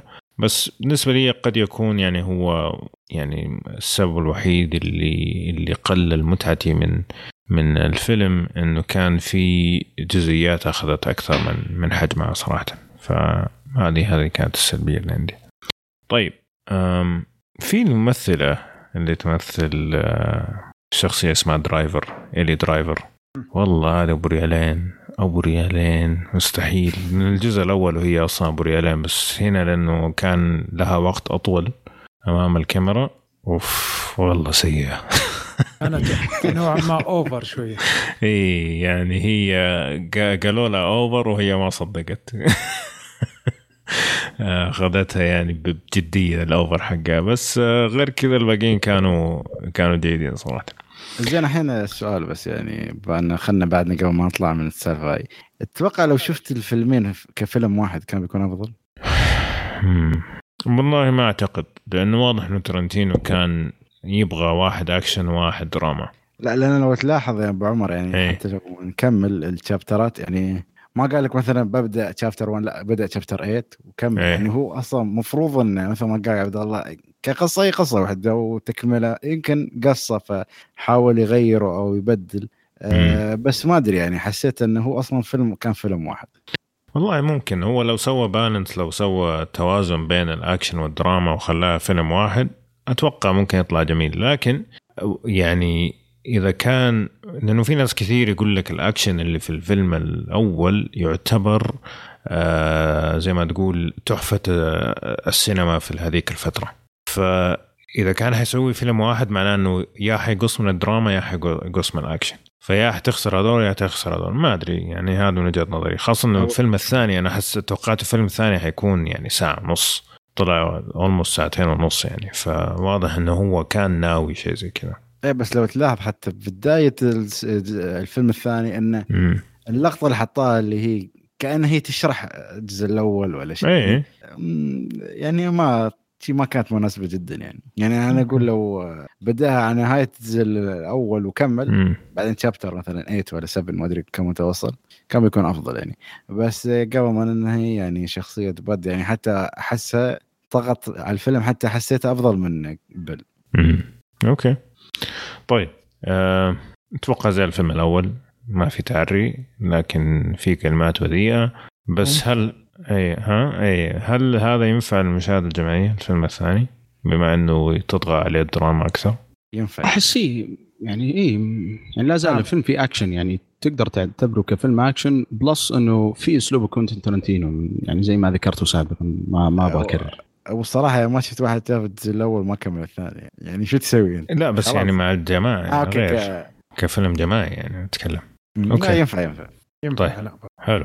طيب تنصحه ولا ما تنصحه؟ أنا أنصح. أكيد. امم أكيد طبعا أكيد. طيب أنا ممكن أقسم اجابتي اجابتي لشيئين. okay. okay. آه الفيلم هذا أنصح فيه. جميل. كويس. تقييمه أربعة من أربعة ما عندك مشكلة. طيب سؤال لك يا أبو عمر. لكن بس خليني اخلص جملتي بعدين أسأل. okay. أبغى أنبرش عليك. إي. آه ما أنصح فيه عشان لازم تشوف الجزء الأول. فهمت المشكلة؟ يعني الجزء يعني الأول بالنسبة لي يا أبو عمر. لا لا الأول بالنسبة لي يعني من كثر ما هو ما عجبني إنه ما أقدر أقول لي واحد والله شوف كيل بيل 1 و 2 على انه 2 جيد. بالنسبة لي 1 مرة ما يعني لو في عجبني. إمكانية أشوف ملخص الأول بعدين نكمل الثاني ممكن كذا برضو إيه. طيب سؤال لك يا أبو عمر بما إنك. الحين شفت الفيلم ونقدر نسألك. إيه. كوينتن ترنتينو باقي له فيلم واحد. إيش رأيك إيه. إن عبد الله يقول يبغى آخر فيلم لكوينتن ترنتينو جزء ثالث الكيل بيل والله شوف ما يعني صراحة شوف قصصيا ومنطقيا شو رأيك؟ ما أعتقد شوف إنها خلاص تقفلت القصة حرام إني أكملها ولا إيش؟ يمطمطها ولا كيف؟ يعني أول شيء من فين هذا يبغون بس من أتوقع يعني خلاص هو أول شيء شوف، لو- لو- إيه. لو كان لو كان الفيلم حيكون فيه ايما ثيرمان يعني كهي ال- ال- ال- ال lead يعني لا طبعا. بس أتوقع لو لو قرر يسوي من جد جزء ثالث في احتماليه انه في شخصيات ثانية تكمل شفنا شخصية يعني لها مستقبل إنه تكمل يعني لو لو قرر كوينتن ترنتينو يبني المستقبل للشخصيه هذه. بس أنا أعتقد أنا بالنسبة لي لا صراحة أنا أنا أشوف أشوف. إنه إنه ممكن يعني خليني أقول ترى ابو عمر كوينتن ترنتينو من من بعد 2004 و 2005 السنة على العموم اللي ينتج فيها Kill Bill 2 مم. أفلامه كلها كانت على نفس النسق يعني على الأسلوب واحد. ليش لا يا أخي؟ خلي الفيلم الأخير كذا من مسيرته يكون اكشن كذا. يجي يعلم افنجرز يقول يا زلايب كذا تسوي اكشن جد. action action الموضوع مو يعني. تحدي يعني. أنا أنا أشوف بدري عليه صراحة مع احترامي لكوينتن ترنتينو بس ال... شو بيسوي شو بيسمي الفيلم؟ إيه. أو شو بيسوي في الفيلم؟ يعني أنا مشكلة عبد الله okay بقول بيسوي جزء يعني- بس ليش؟ لا لا في سيناريو في واحد ملحوس أنا أعرفه يحب بيسوي Kill Bill و- آه، وبعط نظرية. وبعطي لا لا بعطي عبد الله السيناريو اللي قال لي الرجال بس تحت الهواء عشان لا يكون حرق. تمام بس ليش لا خالد؟ يعني هو الفكرة إنه ليش لا؟ يعني okay لو سوى فيلم ثاني ما عندي مشكلة بالعكس وحكون مبسوط مره وحتفرج عليه. بس ليش لا؟ مو Kill Bill 3 يعني أنا أقول لك ليش لا؟ لأن آخر فيلم ل- شو اسمه آخر فيلم لكوينتن ترنتينو في أنا أحتاج لا- إنه يكون نظيف إيه. اي نبغى فيلم كذا يكون شاطح آه، يعني أنا بعطيك مثال. يمكن يكون غلط ولا صح بس اسمع. الحين مثلا أنت مطور ألعاب okay؟ كويس. يقول لك يا تسوي لعبة جديدة يا تسوي فيفا 2021 شو تسوي؟ أنا بالنسبة لي لا يعتمد. لا أول شيء آه. يعني لو لو اسمعني اسمعني. آه. لو كنت حمشي على نفس العقلية مثال طبعا تعبان بس أنت مشي معي. مرة تعبان فأنا بحاول جواب. لا لا بس لا طبعا حسوي جزء جديد. لكن لكن بالنسبة لكوينتن ترنتينو هو already جرب يعني ترى Once Upon a Time بالنسبة لي اعتبره ممكن أغرب فيلم لكوينتن ترنتينو لأنه العالم أصلا وال وال والفترة حقت الفيلم ما تساعد إنه يطلع كل الأشياء المجنونة اللي في مخه عرفت؟ مع هذا طلعها وسواها okay؟ مم. فليش لا يا أخي ارجع كذا الجزء الأخير سوي Kill Bill 3 بعدين تعرف اللي كذا drop the mic وخلاص يعني تتخيل سوى وطلع تعبان. طيب يا أخي. تخيل سوى جزء أي فيلم ثاني وطلع تعبان.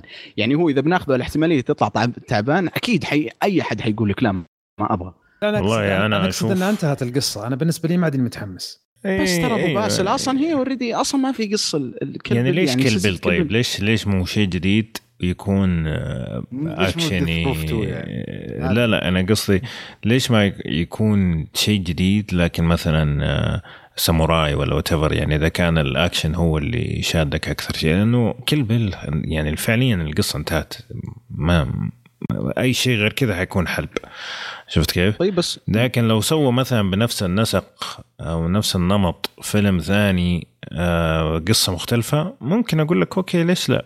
بس جزء ول- ثالث من Kill Bill ولو أقول أشوف. لك يعني بعد لو الريال مثلا بيكمل خمسة أفلام بقول ما عليه سوي كل فيلم free بس ما خلاص آخر فيلم يعني؟ أنت ما يسوي تحفة شيء بس شيء اسمع آه، أنا أنا أنا أشوف لو لو سوى Kill Bill 3 Pulp Fiction جديد شيء لو سوى Kill Bill 3 مو شرط تكون عن Kill Bill فهمتني إنه فاهم. مثلا ممكن ممكن تكون مثلا آه، في في شخصية في ال- في الجزء الثاني أتوقع مثلا ممكن كوينتن تورنتينو يبني لها مستقبل بحيث إنه نفس ال ال ال بس ما حتكون نقول- Kill Bill يا, يا أنا ما أبغى. أحرق بس طيب، ما قول- ما تقدر تقول له Kill Bill يعني أنت ما تقدر okay، تسمي طيب الفيلم المشكلة كل تكون بنفس العالم. إي. يكون بنفس العالم. fine. بس حتكون قصة مختلفة. هي هنا الفكرة.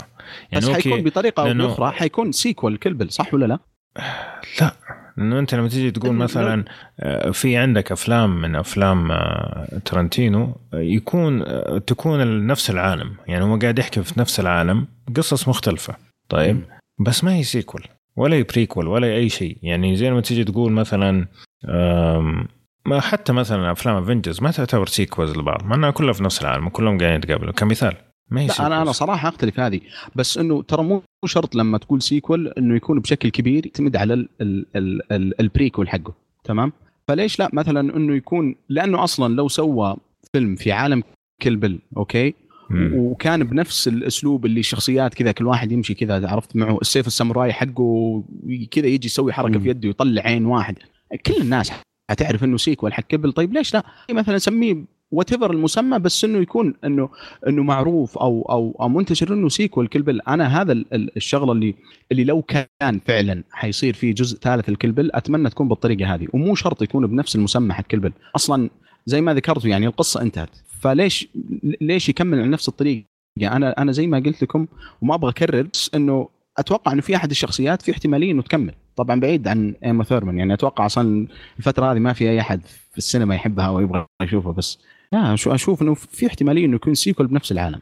يعني أنا أفضل يسوي آه. sequel Reservoir Dogs أفضل يعني إذا يألف له شيء من مخه يعني. إي لا بس ما ترى ما يعتبر sequel هذه يسموها semi semi universe ترى وفي اللي عندك أمثلة كثيرة. فيلمين. آه، آه، عنده هو فيلمين اللي هو سمعته ما أدري إذا صدق ولا لا. يقول لك فيلم آه، Django Unchained و12 انجر مو 12 انجر ذا هيتفول ايت نفس اليونيفر أو نفس السيم يونيفرس ولا شيء شيء يعني كمثال هو بس أصلاً يعني شوف، يعني شوف هو عبد الله بس عشان نكون و- نشرح للمشاهد كمان هو مسألة سيكول بريكول هذه ما. ما- مو آه، اي خلاص آه، يوتيوب. ال- اي ال- تعود على اليوتيوب السيكول والبريكول هذه مسميات ما هو ما هو رأي. هو يعني عندك سيم يونيفرس وعندك سيكول وبريكول سيكول بريكول يكون امتدادا للقصة اللي قبلها في العادة. same universe عندك أمثلة زي مثلا Star Wars و E.T. ترى نفس العالم. وال- وال- والكائنات هذه اللي هي E.T. خارجة من Star Wars كمثال عندك مثلا Ninja Turtles و Daredevil وإحنا عارفين إن Ninja Turtles أصلا صاروا صاروا هم مسخ من نفس شو اسمه ال chemical اللي طاح على عين Daredevil وخلاه Daredevil، آه. بس ما تقدر تقول sequel أوكي هو shared universe وهذول طلعوا عندك مثلا أنتم Alien أنتم و Blade Runner مثلا. أوكي بس أنتم تعرفون الشخصيه بالضبط اللي أنا أقصد إنه في احتمالية إنها تكمل مثلا لو صار. أيوه فاهمك. بس إيه، أنا بس هذه دحين على الشخصية نقطه نقطة ما راح ما راح تعرف ما راح تعرف ال origins حقها وكيف كيف أصلا. إنه فرضا طيب المغامرات اللي خلنا افترضنا إنه صار فعلا كل بالجزء الثالث أوكي؟ مم. بيست إن على وشه يعني حيكون عنده مثلا ال- المهارة هذه أو أو منين جت هالمعرفه إنها تروح للناس الصح على أساس تأخذ منهم المهارة؟ من الارجنز حقها. وتش كل بال 1 كل بال 2 عشان تعرف الشخصية هذه من وين أصولها زي نينجا تيرتل. وديفل ودير ديفل أتوقع يعني شو فاهم يعني؟ بالضبط اللي, اللي لا، أنا فاهمك. أنا فاهمك. هو انه إنه في نقطه في نقطة اللي هي الاورجن حق شخصية هي بداية شخصية ثانية. فهم طال كأنها طال كأنها تكملة القصة بس هي فعليا هي branch هي فرع من قصة. الحين قصة الشخصية هذه من هناك صارت قصة مختلفة. أوكي نفس العالم. ممكن نفس ممكن نقطة البداية تتقاطع مع شخصية ثانية. بس القصة حقت الفيلم اللي أنت قاعد تتكلم عليه انتهت. يعني إلا لو أنك حتسوي مثلا كل جزء آه، قصة أو قصة مم- ممتدة. بس إنه المشكلة إنه أنت هنا Kill Bill مرتبطة بشخصية اسمها Bill. فإنك أنت تكمل من هناك Kill Bill Volume 3 وما في Bill. فهمت قصدي؟ yeah بس still يعني ما, ما زلت على نفس النقطة. وما أشوف طيب. إنه Kill Bill مرتبطة فعلا بشخصية Bill نفسها. انه أصلا في الجزء الأول الشخصية ما شفناها أصلا وكان كانت اللاينات حقته بس هي الهدف يعني كانت. يعني. اي بس كانت الهدف. to kill Bill يعني. anyways أتوقع إنه كل واحد قال وجهة نظره فما ما شكله إحنا آه، اقتنع. بس شوف نقطة يا أخي. سالفة إن تغطي على اسم البطلة هاي لها رمزية ولا بس يعني؟ تشبع الفضول ولا؟ حركات ناس ملحوسين يعني باختصار. بالنسبة لي يعني ما أشوف لأنه أصلا الهدف إذا عرفت إيش آه، اسم اسم الشخصية هو المهم إنه تعرف الوصف حقها وإنه لما شخص يتكلم عنها يعني بال بال يعني على أساس إنها غائبة يعني مو موجودة بالمكان إنه تعرف المقصود أحس هذا الهدف أما إنه يغطي الاسم كذا ويسمي mute عليه ما أدري أحسه أوكي بس وش الهدف فعلا يعني يعني بس هو يعني بس عشان يشدك بطريقة أخرى مع إنه كان اسمه م... هذا. اسمه مكتوب كان على تذكرة الطيران على فكرة يعني في نعم. الفيلم الأول يعني اللي يبغى اللي يعرف بس هي يعني زي ما تقول حركة إنه يكسر البعد الرابع على قولهم. طيب أتوقع طولنا شوي في Kill Bill خلينا نروح على الفيلم اللي بعده. آه، ف Kill Bill بالنسبة الأول كان تقييمنا ثلاثة من أربعة والثاني كان أربعة من أربعة. آه، فيلمنا الثالث اليوم برضه فيلم التراث. فيلم لآل باتشينو من التسعينات اللي هو Carlito's Way. نزل في عام 93 وكان من إخراج براين دا بالما اللي أخرج أفلام زي Scarface و Untouchables يعني أفلامه جامدة صراحة من هذا النوع. الفيلم تقييمه 81% في Rotten Tomatoes 7.9 في IMDb وخليني آه طبعا قصته إنه شخص طلع من السجن ويبغى يعني يعيش حياة مختلفة عن اللي عاشها قبل ما يدخل السجن لكن طبعا زي ما تقول الحياة ما تسيبه في حاله. خلينا نقول زي كذا بكل بساطة. خليني أبدأ معاك يا أبو باسل وقل لي إيش اللي عجبك في الفيلم. آه طبعا الفيلم هذا عام 1993 أنا أذكر إني شفته تقريبا آه، بعد وقت يمكن ثلاث أو أربع سنوات. الفيلم هذا يعتبر بالنسبة لي وجهة نظر إنه underrated الأفلام المظلومة لالباتشينو لأن الباتشينو عام آه آه تقريبا آه قبلها بسنة أخذ جائزة الأوسكار عن فيلم Scent of a Woman واللي كان أداء أسطوري فيه ويعني مع إني كنت أتمنى انه ياخذها دنزل واشنطن من فيلم Malcolm X لكن آه، إن إن ألباتشينو يأخذ جائزة الأوسكار ويجي الفيلم هذا بعده بسنة حتى أن لما جاء أخذ الأوسكار كان بنفس الشكل اللي مثل فيه في Carlito's Way الفيلم هذا أنا أحس إنه كان مظلوم جدا من أفلام الباتشينو العظيمة واللي الناس ما يعرفون عنها أو إنه ما أخذ اللي يستحق. الفيلم كقصة كان جدا جميل يحكي قصة شخص له تاريخ قوي جدا ومركز على هذه الشخصية بالذات واللي أبدع فيها الباتشينو ويعني سلطن في هذا الفيلم. الفيلم كانت قصته مرة ممتازة لشخص عنده ماضي تاريخ قوي ونشوف تصاعد الأحداث مع هذا الشخصية إلى نهايتها. آه، فالقصة كانت مرة ممتازة مشوقة. المخرج زي ما قلت أبو عمر عنده أفلام مرة ممتازة زي Scarface و Untouchables فالمخرج عارف الثيم هذا لأن الفيلم يجيك بثيم السبعينات أو الثمانينات يعني مع أفلام الجيل الحالي يعني دمجها مع بعض. وهذه أنا أشوف إنها إبداع مخرج آه، يعني تحس فيها لمسة من الأفلام القديمة أفلام العصابات والجريمه السابقة وفيلم آه، سريع ويؤدي الغرض في الجيل الجديد. آه نجي على أداء الممثلين كان الباتشينو أداءه مرة أسطوري في الفيلم هذا وأحس إنه كان يمثل شخصيته اللي هي شخصية الباتشينو نفسها أحس إنه متمكن من الشخصية وكان أداءه مرة ممتاز. آه الأداء الثاني اللي هو شون بين. شون بين آه كان مفاجأة في الفيلم هذا وترشح جائزه Golden Globe آه، كأفضل ممثل مساعد طبعا ما أخذها. آه وبرضه شخصية صديقته اللي اسمها جيل كان اداءها مرة ممتاز. فنتكلم على قصة ممتازة. آه، مخرج عظيم يجيب لك مشاهد long shot وطريقة مرة ممتازة. ويعني حتى فيه لمسة مماثلة ل Untouchables اللي بيشوف Untouchables ويشوف الفيلم هذا بيعرف إيش يقصد عشان ما يكون في حرق.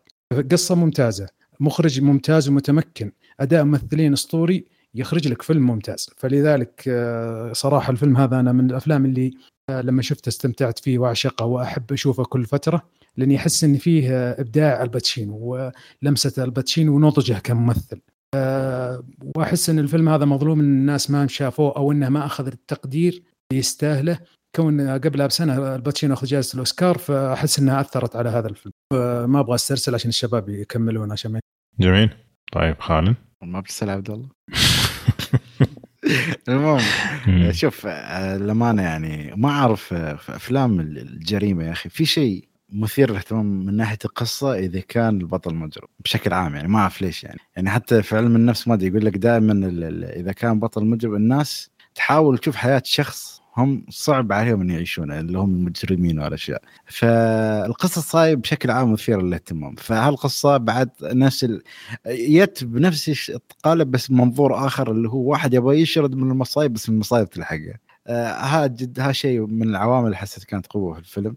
أداء الباتشينو كان ممتاز تي أه بس أه للأسف يا أخي أنا حسيت بشيء غريب يا أخي يعني الفيلم جيد وكل شيء أه بس ما حسيت فيه الإيجابيات اللي, متمسك فيها. مثلا يعني لما لما أبو باسل يقول لي مثلا فيلم Scent of a Woman هذا الفيلم يعتبر أسطورة أكثر من هذا أنا أخالف الرأي في هالشيء يعني أنا أحس هذاك الفيلم كان أكثر كمالية أو أكثر أو أو أكثر ابداعا. هالفيلم لأن قصة مجرم ممكن نرتبط فيها بس بعد يا أخي في وايد عوامل نقص يعني. مثلا شون بن ممثل ممتاز وكل شيء بس حسيته من بعد نقطة معينة في الفيلم خلاص فصلت عنه. والفيلم كان فيه دوام من الملل. أنا يعني صح انه داش سلبيات بس يا أخي أحس الموضوع مرتبط ف مشكلتي مع الفيلم هذا إن إيجابياتي قليلة فيه وأبغى أتكلم وأبغى أسألكم كم شيء في السلبيات بس بعدين فقرة فقط السلبيات يعني. هاي إيجابياتي اللي كانت ممكن أوضح نقطة؟ نعم. آه شوف Scent of a Woman كاداء تمثيلي من الباتشينو كان أسطوري ويستاهل عليه الأوسكار. لكن الفيلم كفيلم ضعيف أنا بالنسبة لي كقصة وكإخراج عرفت؟ لكن كاداء. تمثيلي كان ممتاز. الفيلم هذا اشوفه متكامل أكثر كأركان الفيلم كقصة إخراج اداء تمثيلي. هذا اللي كنت أقصده.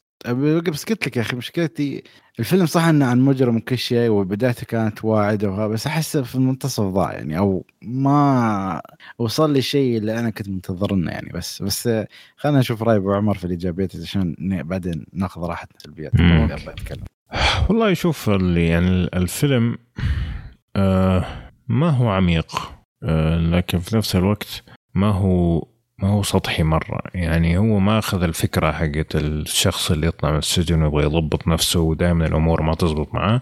هذه شفناها يعني كثير قبل كذا وبعد كذا. ما يدخل في فلسفة الحياة كثير وإن والله كل اللي سويته في حياتي وصلني لهذه المرحلة.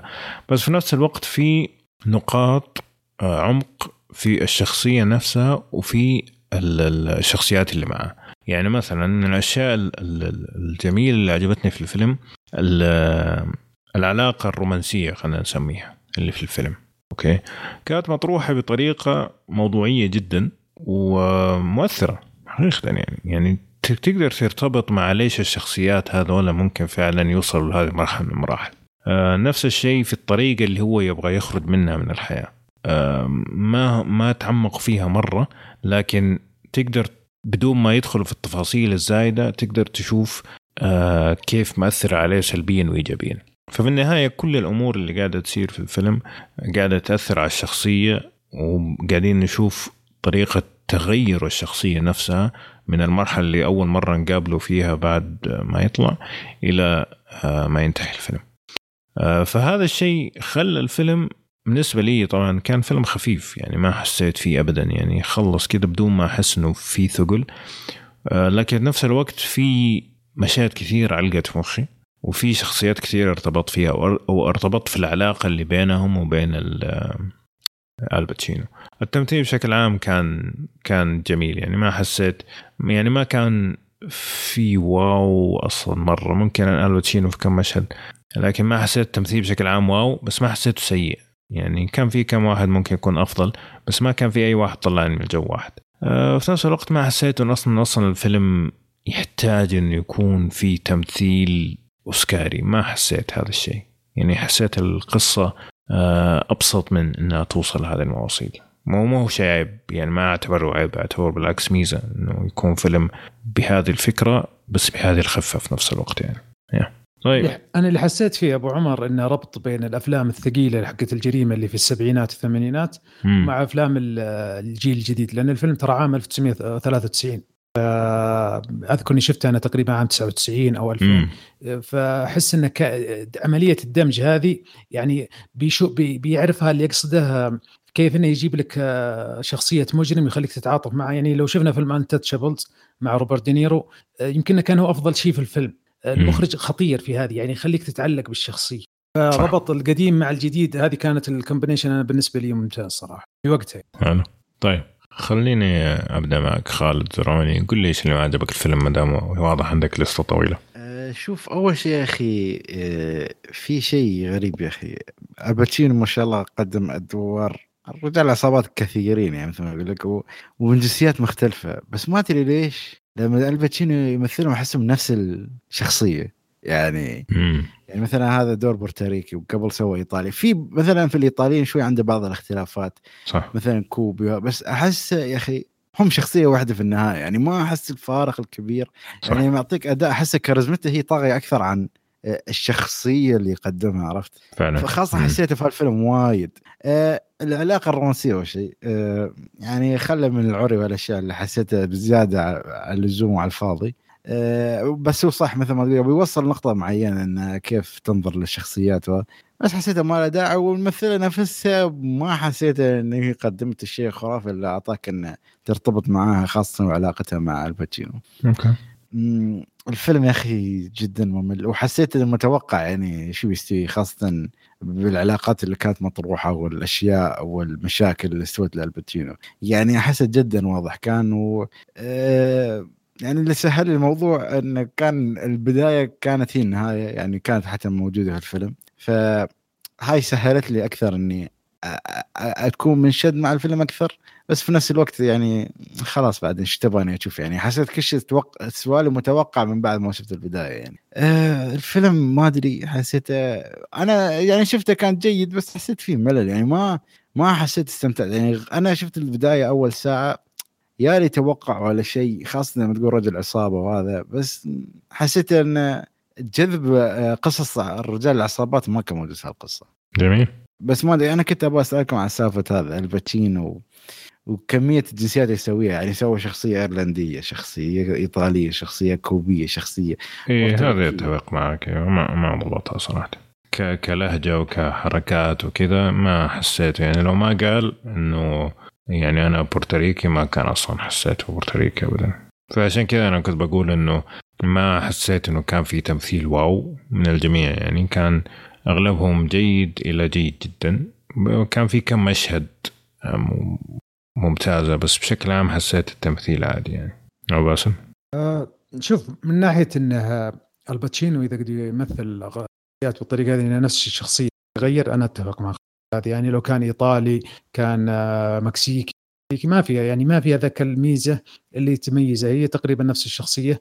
بس أنا أتكلم على أتقان الباتشينو للدور العصابة يعني آه، جريمة. انه يبدع فيها لأنه ما أدري هل هو شخصيته هل يعني هو لما يمثل الشخصيات هذه أحس إنه يبدع أكثر من الشخصيات. أنا الفيلم هذا صراحة ما عندي سلبيات كثيرة فيه لأني استمتع فيه. عجبني ج- آه، ذاك اليوم شفته بالصدفة على وقته. يمكن بعد ما نزل الفيلم بثلاث أو أربع سنوات. فيلم صراحة أنا من الأفلام اللي أعشقها. آه، أتفهم لما أحد يقول لي ما هو كويس الفيلم أو سيء لكن أنا آه، لي يميول للأفلام القديمة فهذا أحس إنه كان جزء آه، فيه اللمسة هذه وما استغربت لما شفت المخرج طلع سكار فيس وانتشبلز وأفلام زي كذا. آه، ما عندي سلبيات والله كثير. جميل. أه والله هي هي نفس النقاط صراحة ما عندي شيء زيادة. أه بس تعرف ابو عمر بس أقول لك شيء. يا أخي مثلا الحين لما أقول. آه، الباتشينو يا أخي ترى Carlito's Way ترى ابدا دائما ما يتم ذكره من ال top إيه ف okay هو- فيلم يعني كتقييم ترى أنا أعتبره مرتفع جدا. بس ما أعرف ليش الصراحة يعني ما أدري إذا الناس يشوفونه مرة ثانية ممكن يغيرون رأيهم. لا ترى في ناس كثير ما يعرفوا الفيلم هذا أو يعني يمر عليهم خاصة إنه لما. تيجي اي لما تيجي تقول الباتشينو وعصابات وزي كذا تحس إنه الفيلم already شافوه. لما أنت تتكلم عن كم فيلم مثل أدوار قريبة من هذه آه فيعني آه يعني ممكن الناس يقول لك خلاص أنا already شفت شيء زي كذا فما يتحمسوا. حقيقة لو يعني أنا دائما أسمع الفيلم هذا ودائما كذا أبغى أشوفه وأطنش. فلما جات السيرة إنه خلينا نشوفه قلت okay فرصة أخيرا إنه في سبب إني أروح أشوفه. لكن ما كان في أي شيء ثاني إنه يعني يبغى يحمسني إني أروح. والله أبغى أشوفه الآن. فهمتني كيف؟ يعني في أفلام قديمة لما تسمع مين الناس اللي فيها ولا إيش القصة ولا إيش الفكرة.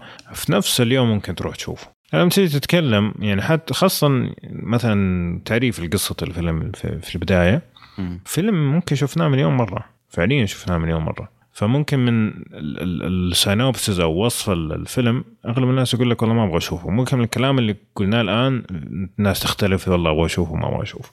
فهمتني؟ أعتقد هذا السبب.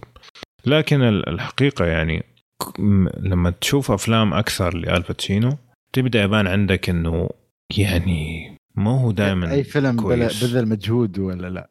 إي يعني يبان يبان معاك إنه أحيانا فعلا ما هو بالمستوى. وحتى ما يكون الأفلام على نمطه هو برضو ما ما يوصل ال- الهت اللي يقول لك والله ممثل عظيم. آه وكثير من المشاهد الدرامية تقدر تاخذ copy paste وتحطها في فيلم ثاني وما تفرق إنه هذا والله في فيلم ثاني ولا لا. ما ما حتعرف. ف وتعرف. واحدة من المشاكل بعد اعطيك كلامك هذا مثلا أنا أول 20 ولا 25 دقيقة من الفيلم ما بقى انخدعت بس خذيت شيء خلاص أوف wow. أنا مقبل على الفيلم وخاصة بعد ما شفت التقييم بعد قلت يا سلام. يعني خاصة بعد مشهد المحكمة وبعدها بفترة حسيت لا الفيلم بيكون شيء ممتاز. بس بعدين هبوط حاد يعني في القصة وهذا كل شيء. ما أعرف. يعني الفيلم حسيت ابدا ما وفقوا فيه يعني ك يعني شوف أنا بالنسبة لي أنا يعني. ماني يعني ما حسيته بالسوء اللي أنت حاسه. أنا بالنسبة لي استمتعت في الفيلم. يعني ما هقول لك والله من أجمل الأفلام اللي شفتها السنة هذه ومن أجمل الأفلام حقت الباتشينو لكن هل تقول لي والله الفيلم ممتع؟ بالنسبة لي كان ممتع. آه، يعني وبعدين حسيت بخفة كذا غريبة على فيلم زي هذا. يعني ما حسيت فيه ابدا وأنا قاعد آه، أتفرج. كان مرة سلس بالنسبة لي. فخلنا نجاوب على الاسئله المعتادة وبعدين نعطي الرأي الاخير هل الفيلم فيه تعري؟ نعم. فيه. كثير. وفي بداءة كلام طبعا. أكيد وعنف. إيه. آه، ينفع مشاهد الجماعية يمكن آه. صعبة شوي. لا. ممكن إذا أنتم شيبان ممكن. okay. لأن أي واحد آه. شايب تقول له الباتشينو على طول يروح يشوفه حتى لو كان Dunkaccino ذيك حقت من جد. من جد. طيب مين ممكن يعجب الفيلم؟ اللي يحب style أفلام الجريمة المنظمة القديمة زي Godfather Untouchables face الأفلام ذي هذا نفس الامتداد لها. ما ممكن. تقدر تقول ما انت تجرب الأكثر بس father آه، أنا اللي أنا اللي مستغربه إن كثير ناس يشوفون أفلام وعندهم خبرة في الأفلام. لما أسألهم عن الفيلم هذا يقول زي زي طريقتك ابو عمر ما قد شافه. مم. فانا هذه مستغربها صراحة. تعرف في تشبع تعرف أنت تقول مثل ما قال أبو عمر، الباتشينو جريمة خلاص كم فيلم عرفت يعني؟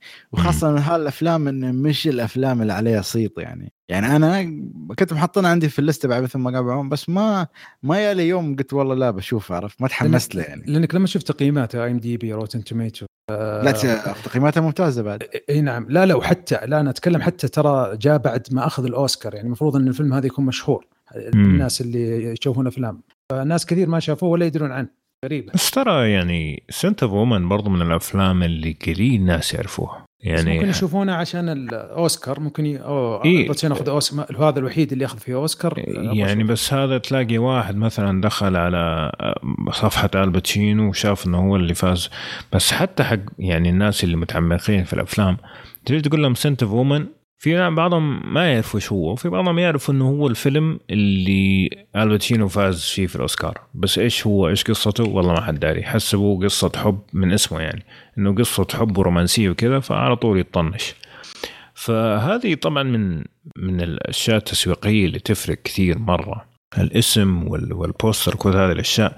يعني كنت قاعد أتكلم مع فترة قبل فترة عن المسلسلات اللي مهضومة بسبب آه، اسمها. يعني عندك مثلا Battlestar Galactica اسم يجيب القرف كذا الناس اللي ما يحبوا ال sci-fi أنا بالنسبة لي لما أسمع الاسم هذا كذا أحس بغثيان إنه أنا مرة ما أحب ال sci-fi بس الفيلم الشيء الوحيد ال sci-fi اللي فيه إنه هو في عايشين في سفينة فضائية. بس عبارة عن دراما بحتة ومين حيصير رئيس واغتيالات يعني ما له أي علاقة. نفس الشيء مثلا مسلسل زي Gilmore Girls أنا بالنسبة لي من أجمل المسلسلات اللي شفتها في حياتي. بس قول لي واحد Gilmore Girls. اي قول إيش. أروح قاعد أتفرج مسلسل بنات. صدق يا أبو عمر إنك صادق إيه. يعني زي مثلا فيلم أماديوس. تدري. إني ما شفته عشان ال poster.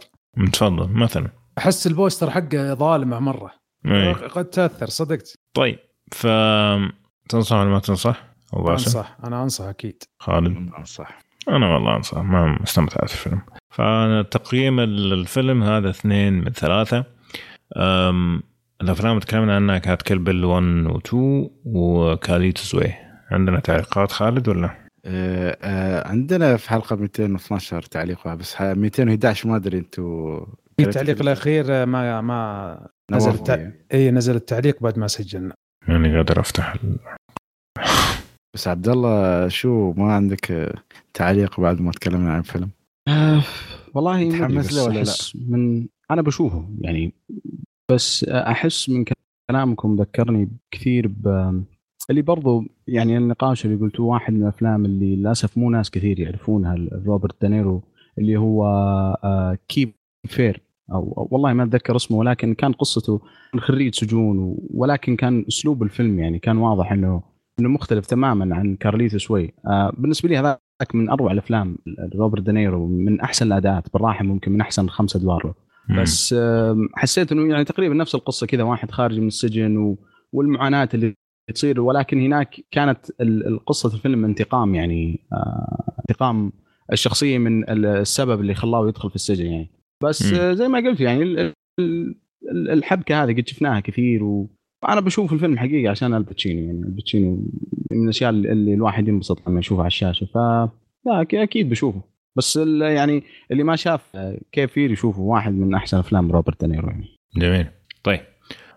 عندنا تعليق آه في 211 يقول من نواف بي يقول لك عارف آه هلا والله بالأحباب عارف ما ودكم تكثرون تكثروا كلام عن أفلام تلفاز 11 وعرضها على نتفلكس لكن أعتقد حدث بالأهمية يستحق نعطيه وقت ونتناقش فيه قد ما نقدر.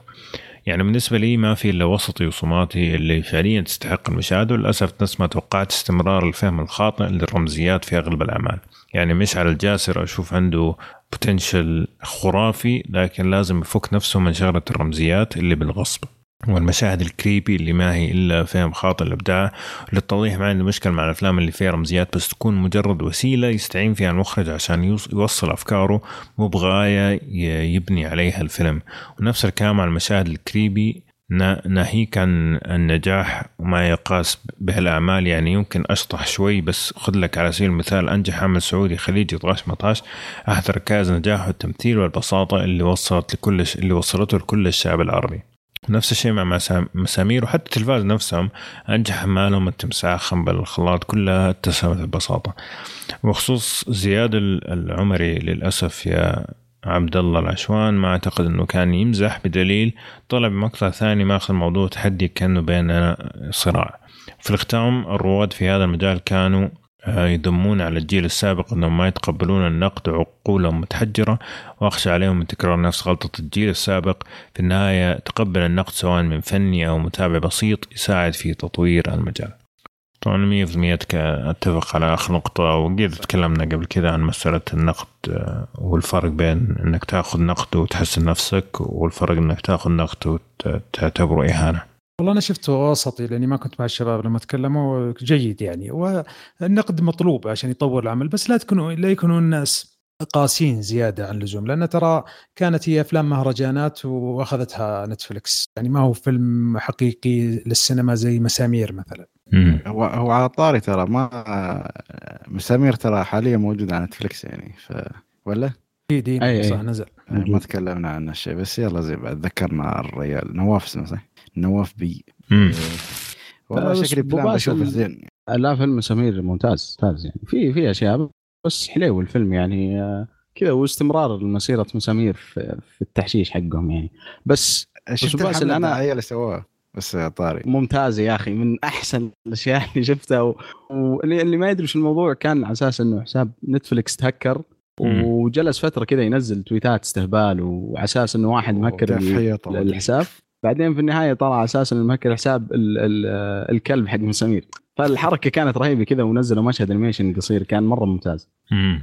بس في, في نقطة قالها أبو باسل وصراحة أتفق عليها إنه الناس حسيتهم شوي قاسيين على أفلام التلفاز. يعني حقيقة أغلبها أنا ما عجبني يمكن الاثنين اللي تكلمنا عنهم بس هي اللي كانت كويسة. البقية ما عجبتني ابدا. بس دائما بطبيعة الحال هذه أفلام ال- ال- ال- المهرجانات القصيرة. يعني طبعا من حق الواحد يعبر عن رايه بس ترى حتى حتى برا يعني أغلبها يعني بالنسبة لي أنا أتكلم عن رأيي أغلبها معفن صراحة. يعني لأنه الأسلوب حقه تحسه موجه انه إنه الواحد يبغى يقول فكرة ولكن بطريقة مبطنة بقطر يعني اكبر قدر ممكن من الرمزيات. ف يعني شوي حسيت الناس مرة قاسين حتى على فيلم وسطي يعني تو ماتش الناس أصلا كانوا كذا فاضيين وأخذوا الموضوع تحدي يعني أي نعم الممثل أخطأ بس في النهاية الفيلم اللي اشتغل عليه مخرج وفي ناس ورا الكاميرا اشتغلت كثير. يعني ما تحمل خطأ واحد بس عشانه كان واقف قدام الكاميرا تحمله خطأ كبير. يعني الناس هذول كلهم يتحملونه. فما أدري حسيت الناس كانوا شوي قاسين بس في النهاية التعبير من حق أي واحد. ف... يا. أوكي. طيب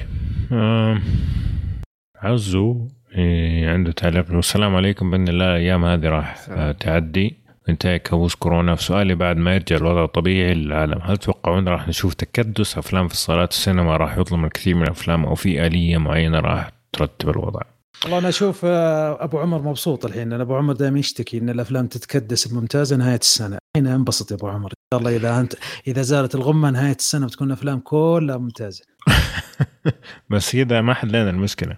يعني المشكلة إنه أنا أبغى طول السنة يكون في أفلام ممتازة. فدحين صار أسوأ. يعني حتى اللي كانت مثلا أفلام الأكشن اللي تيجي في الصيف الحين بتيجي نهاية السنة مع الأفلام حقت الدراما. فلا لا على الاقل تر- يعني. على الاقل تروح السينما لسا- ست ساعات ثمان ساعات مرة واحدة. تشوف إيه، لا هذا لما تكون المشكلة بعد okay نقول ال- الوضع انحل عندنا بس في أمريكا يعني انت ترى في النهاية هم الموزعين فما تعرف شو القصة. يعني okay صح أن الموسم أصلا هذا ما في أفلام قوية ممكن إلا اللي هو 007 مم. No Time to Die والثانيه أعتقد Black Widow و Quiet Place يعني يعني فيلم كل شهر يمكن ولا كل ثلاث أسابيع.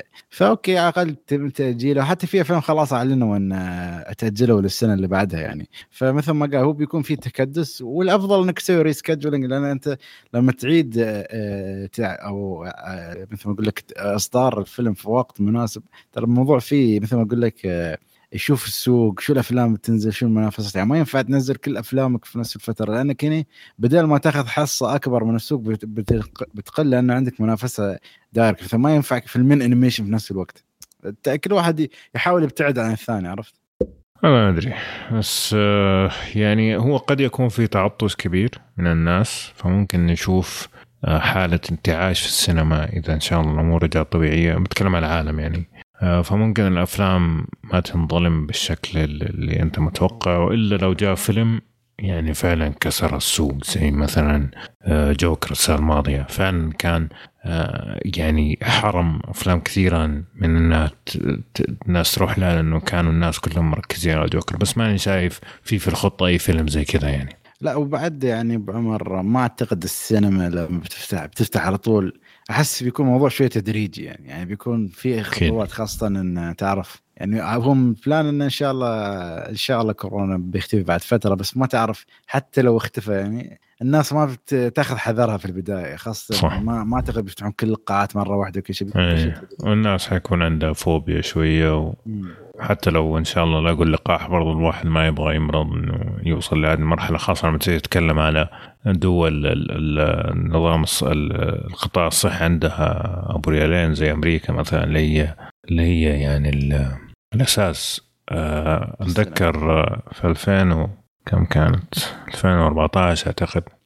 كنت في أمريكا بس عشان أقول لكم قديش فعلا قطاع عندهم الله لا يبلانا ممكن في أمريكا والدي طاح وكسر يده. أوكي. آه فرحنا عندك ال- ال- الموعد مع التجبيرة آه مع الأشعة. كلفتنا آه في حدود 3000 دولار. أوبا. طيب. مو مو هنا اللي يضحك. Okay؟ آه. طبعا كانت يعني ضربة قاسمة. الحمد لله الحمد لله إنه كان عندي تأمين. آه كنت مسوي تأمين سفر قبل ما أسافر والحمد لله جاب قيمته. لكن الفجعة كانت فين؟ آه بعدها بيومين انتفخت يده. فوديناه وكنا already معطينه دواء المسكن يعني. فلما رحنا هناك جو يبغوا يعطوا له مسكن قلت له لا ترى already ماخذ قبل قبل ساعة ما ينفع تعطوه مرة ثانية. تعرف كم انشال من الفاتورة؟ على مسكن حرارة 8 ملي طيب. آه. 95 ريال. 95 ريال 8 ملي القارورة هذه في الصيدلية قيمتها 20 ريال. طيب. لما تسمع الناس هناك يقول لك النظام الصحي قاتلهم أكثر من هو قاعد يعالجهم تعرف ليش؟ من القصة البسيطة هذه. الحمد لله إنه كان كسر. تخيل لو كان شيء شيء يعني يحتاج عملية ولا حاجة كان كم ممكن وصلت 30 ولا 40 ألف وأنا أرت... وأنا نايم يعني في الموضوع.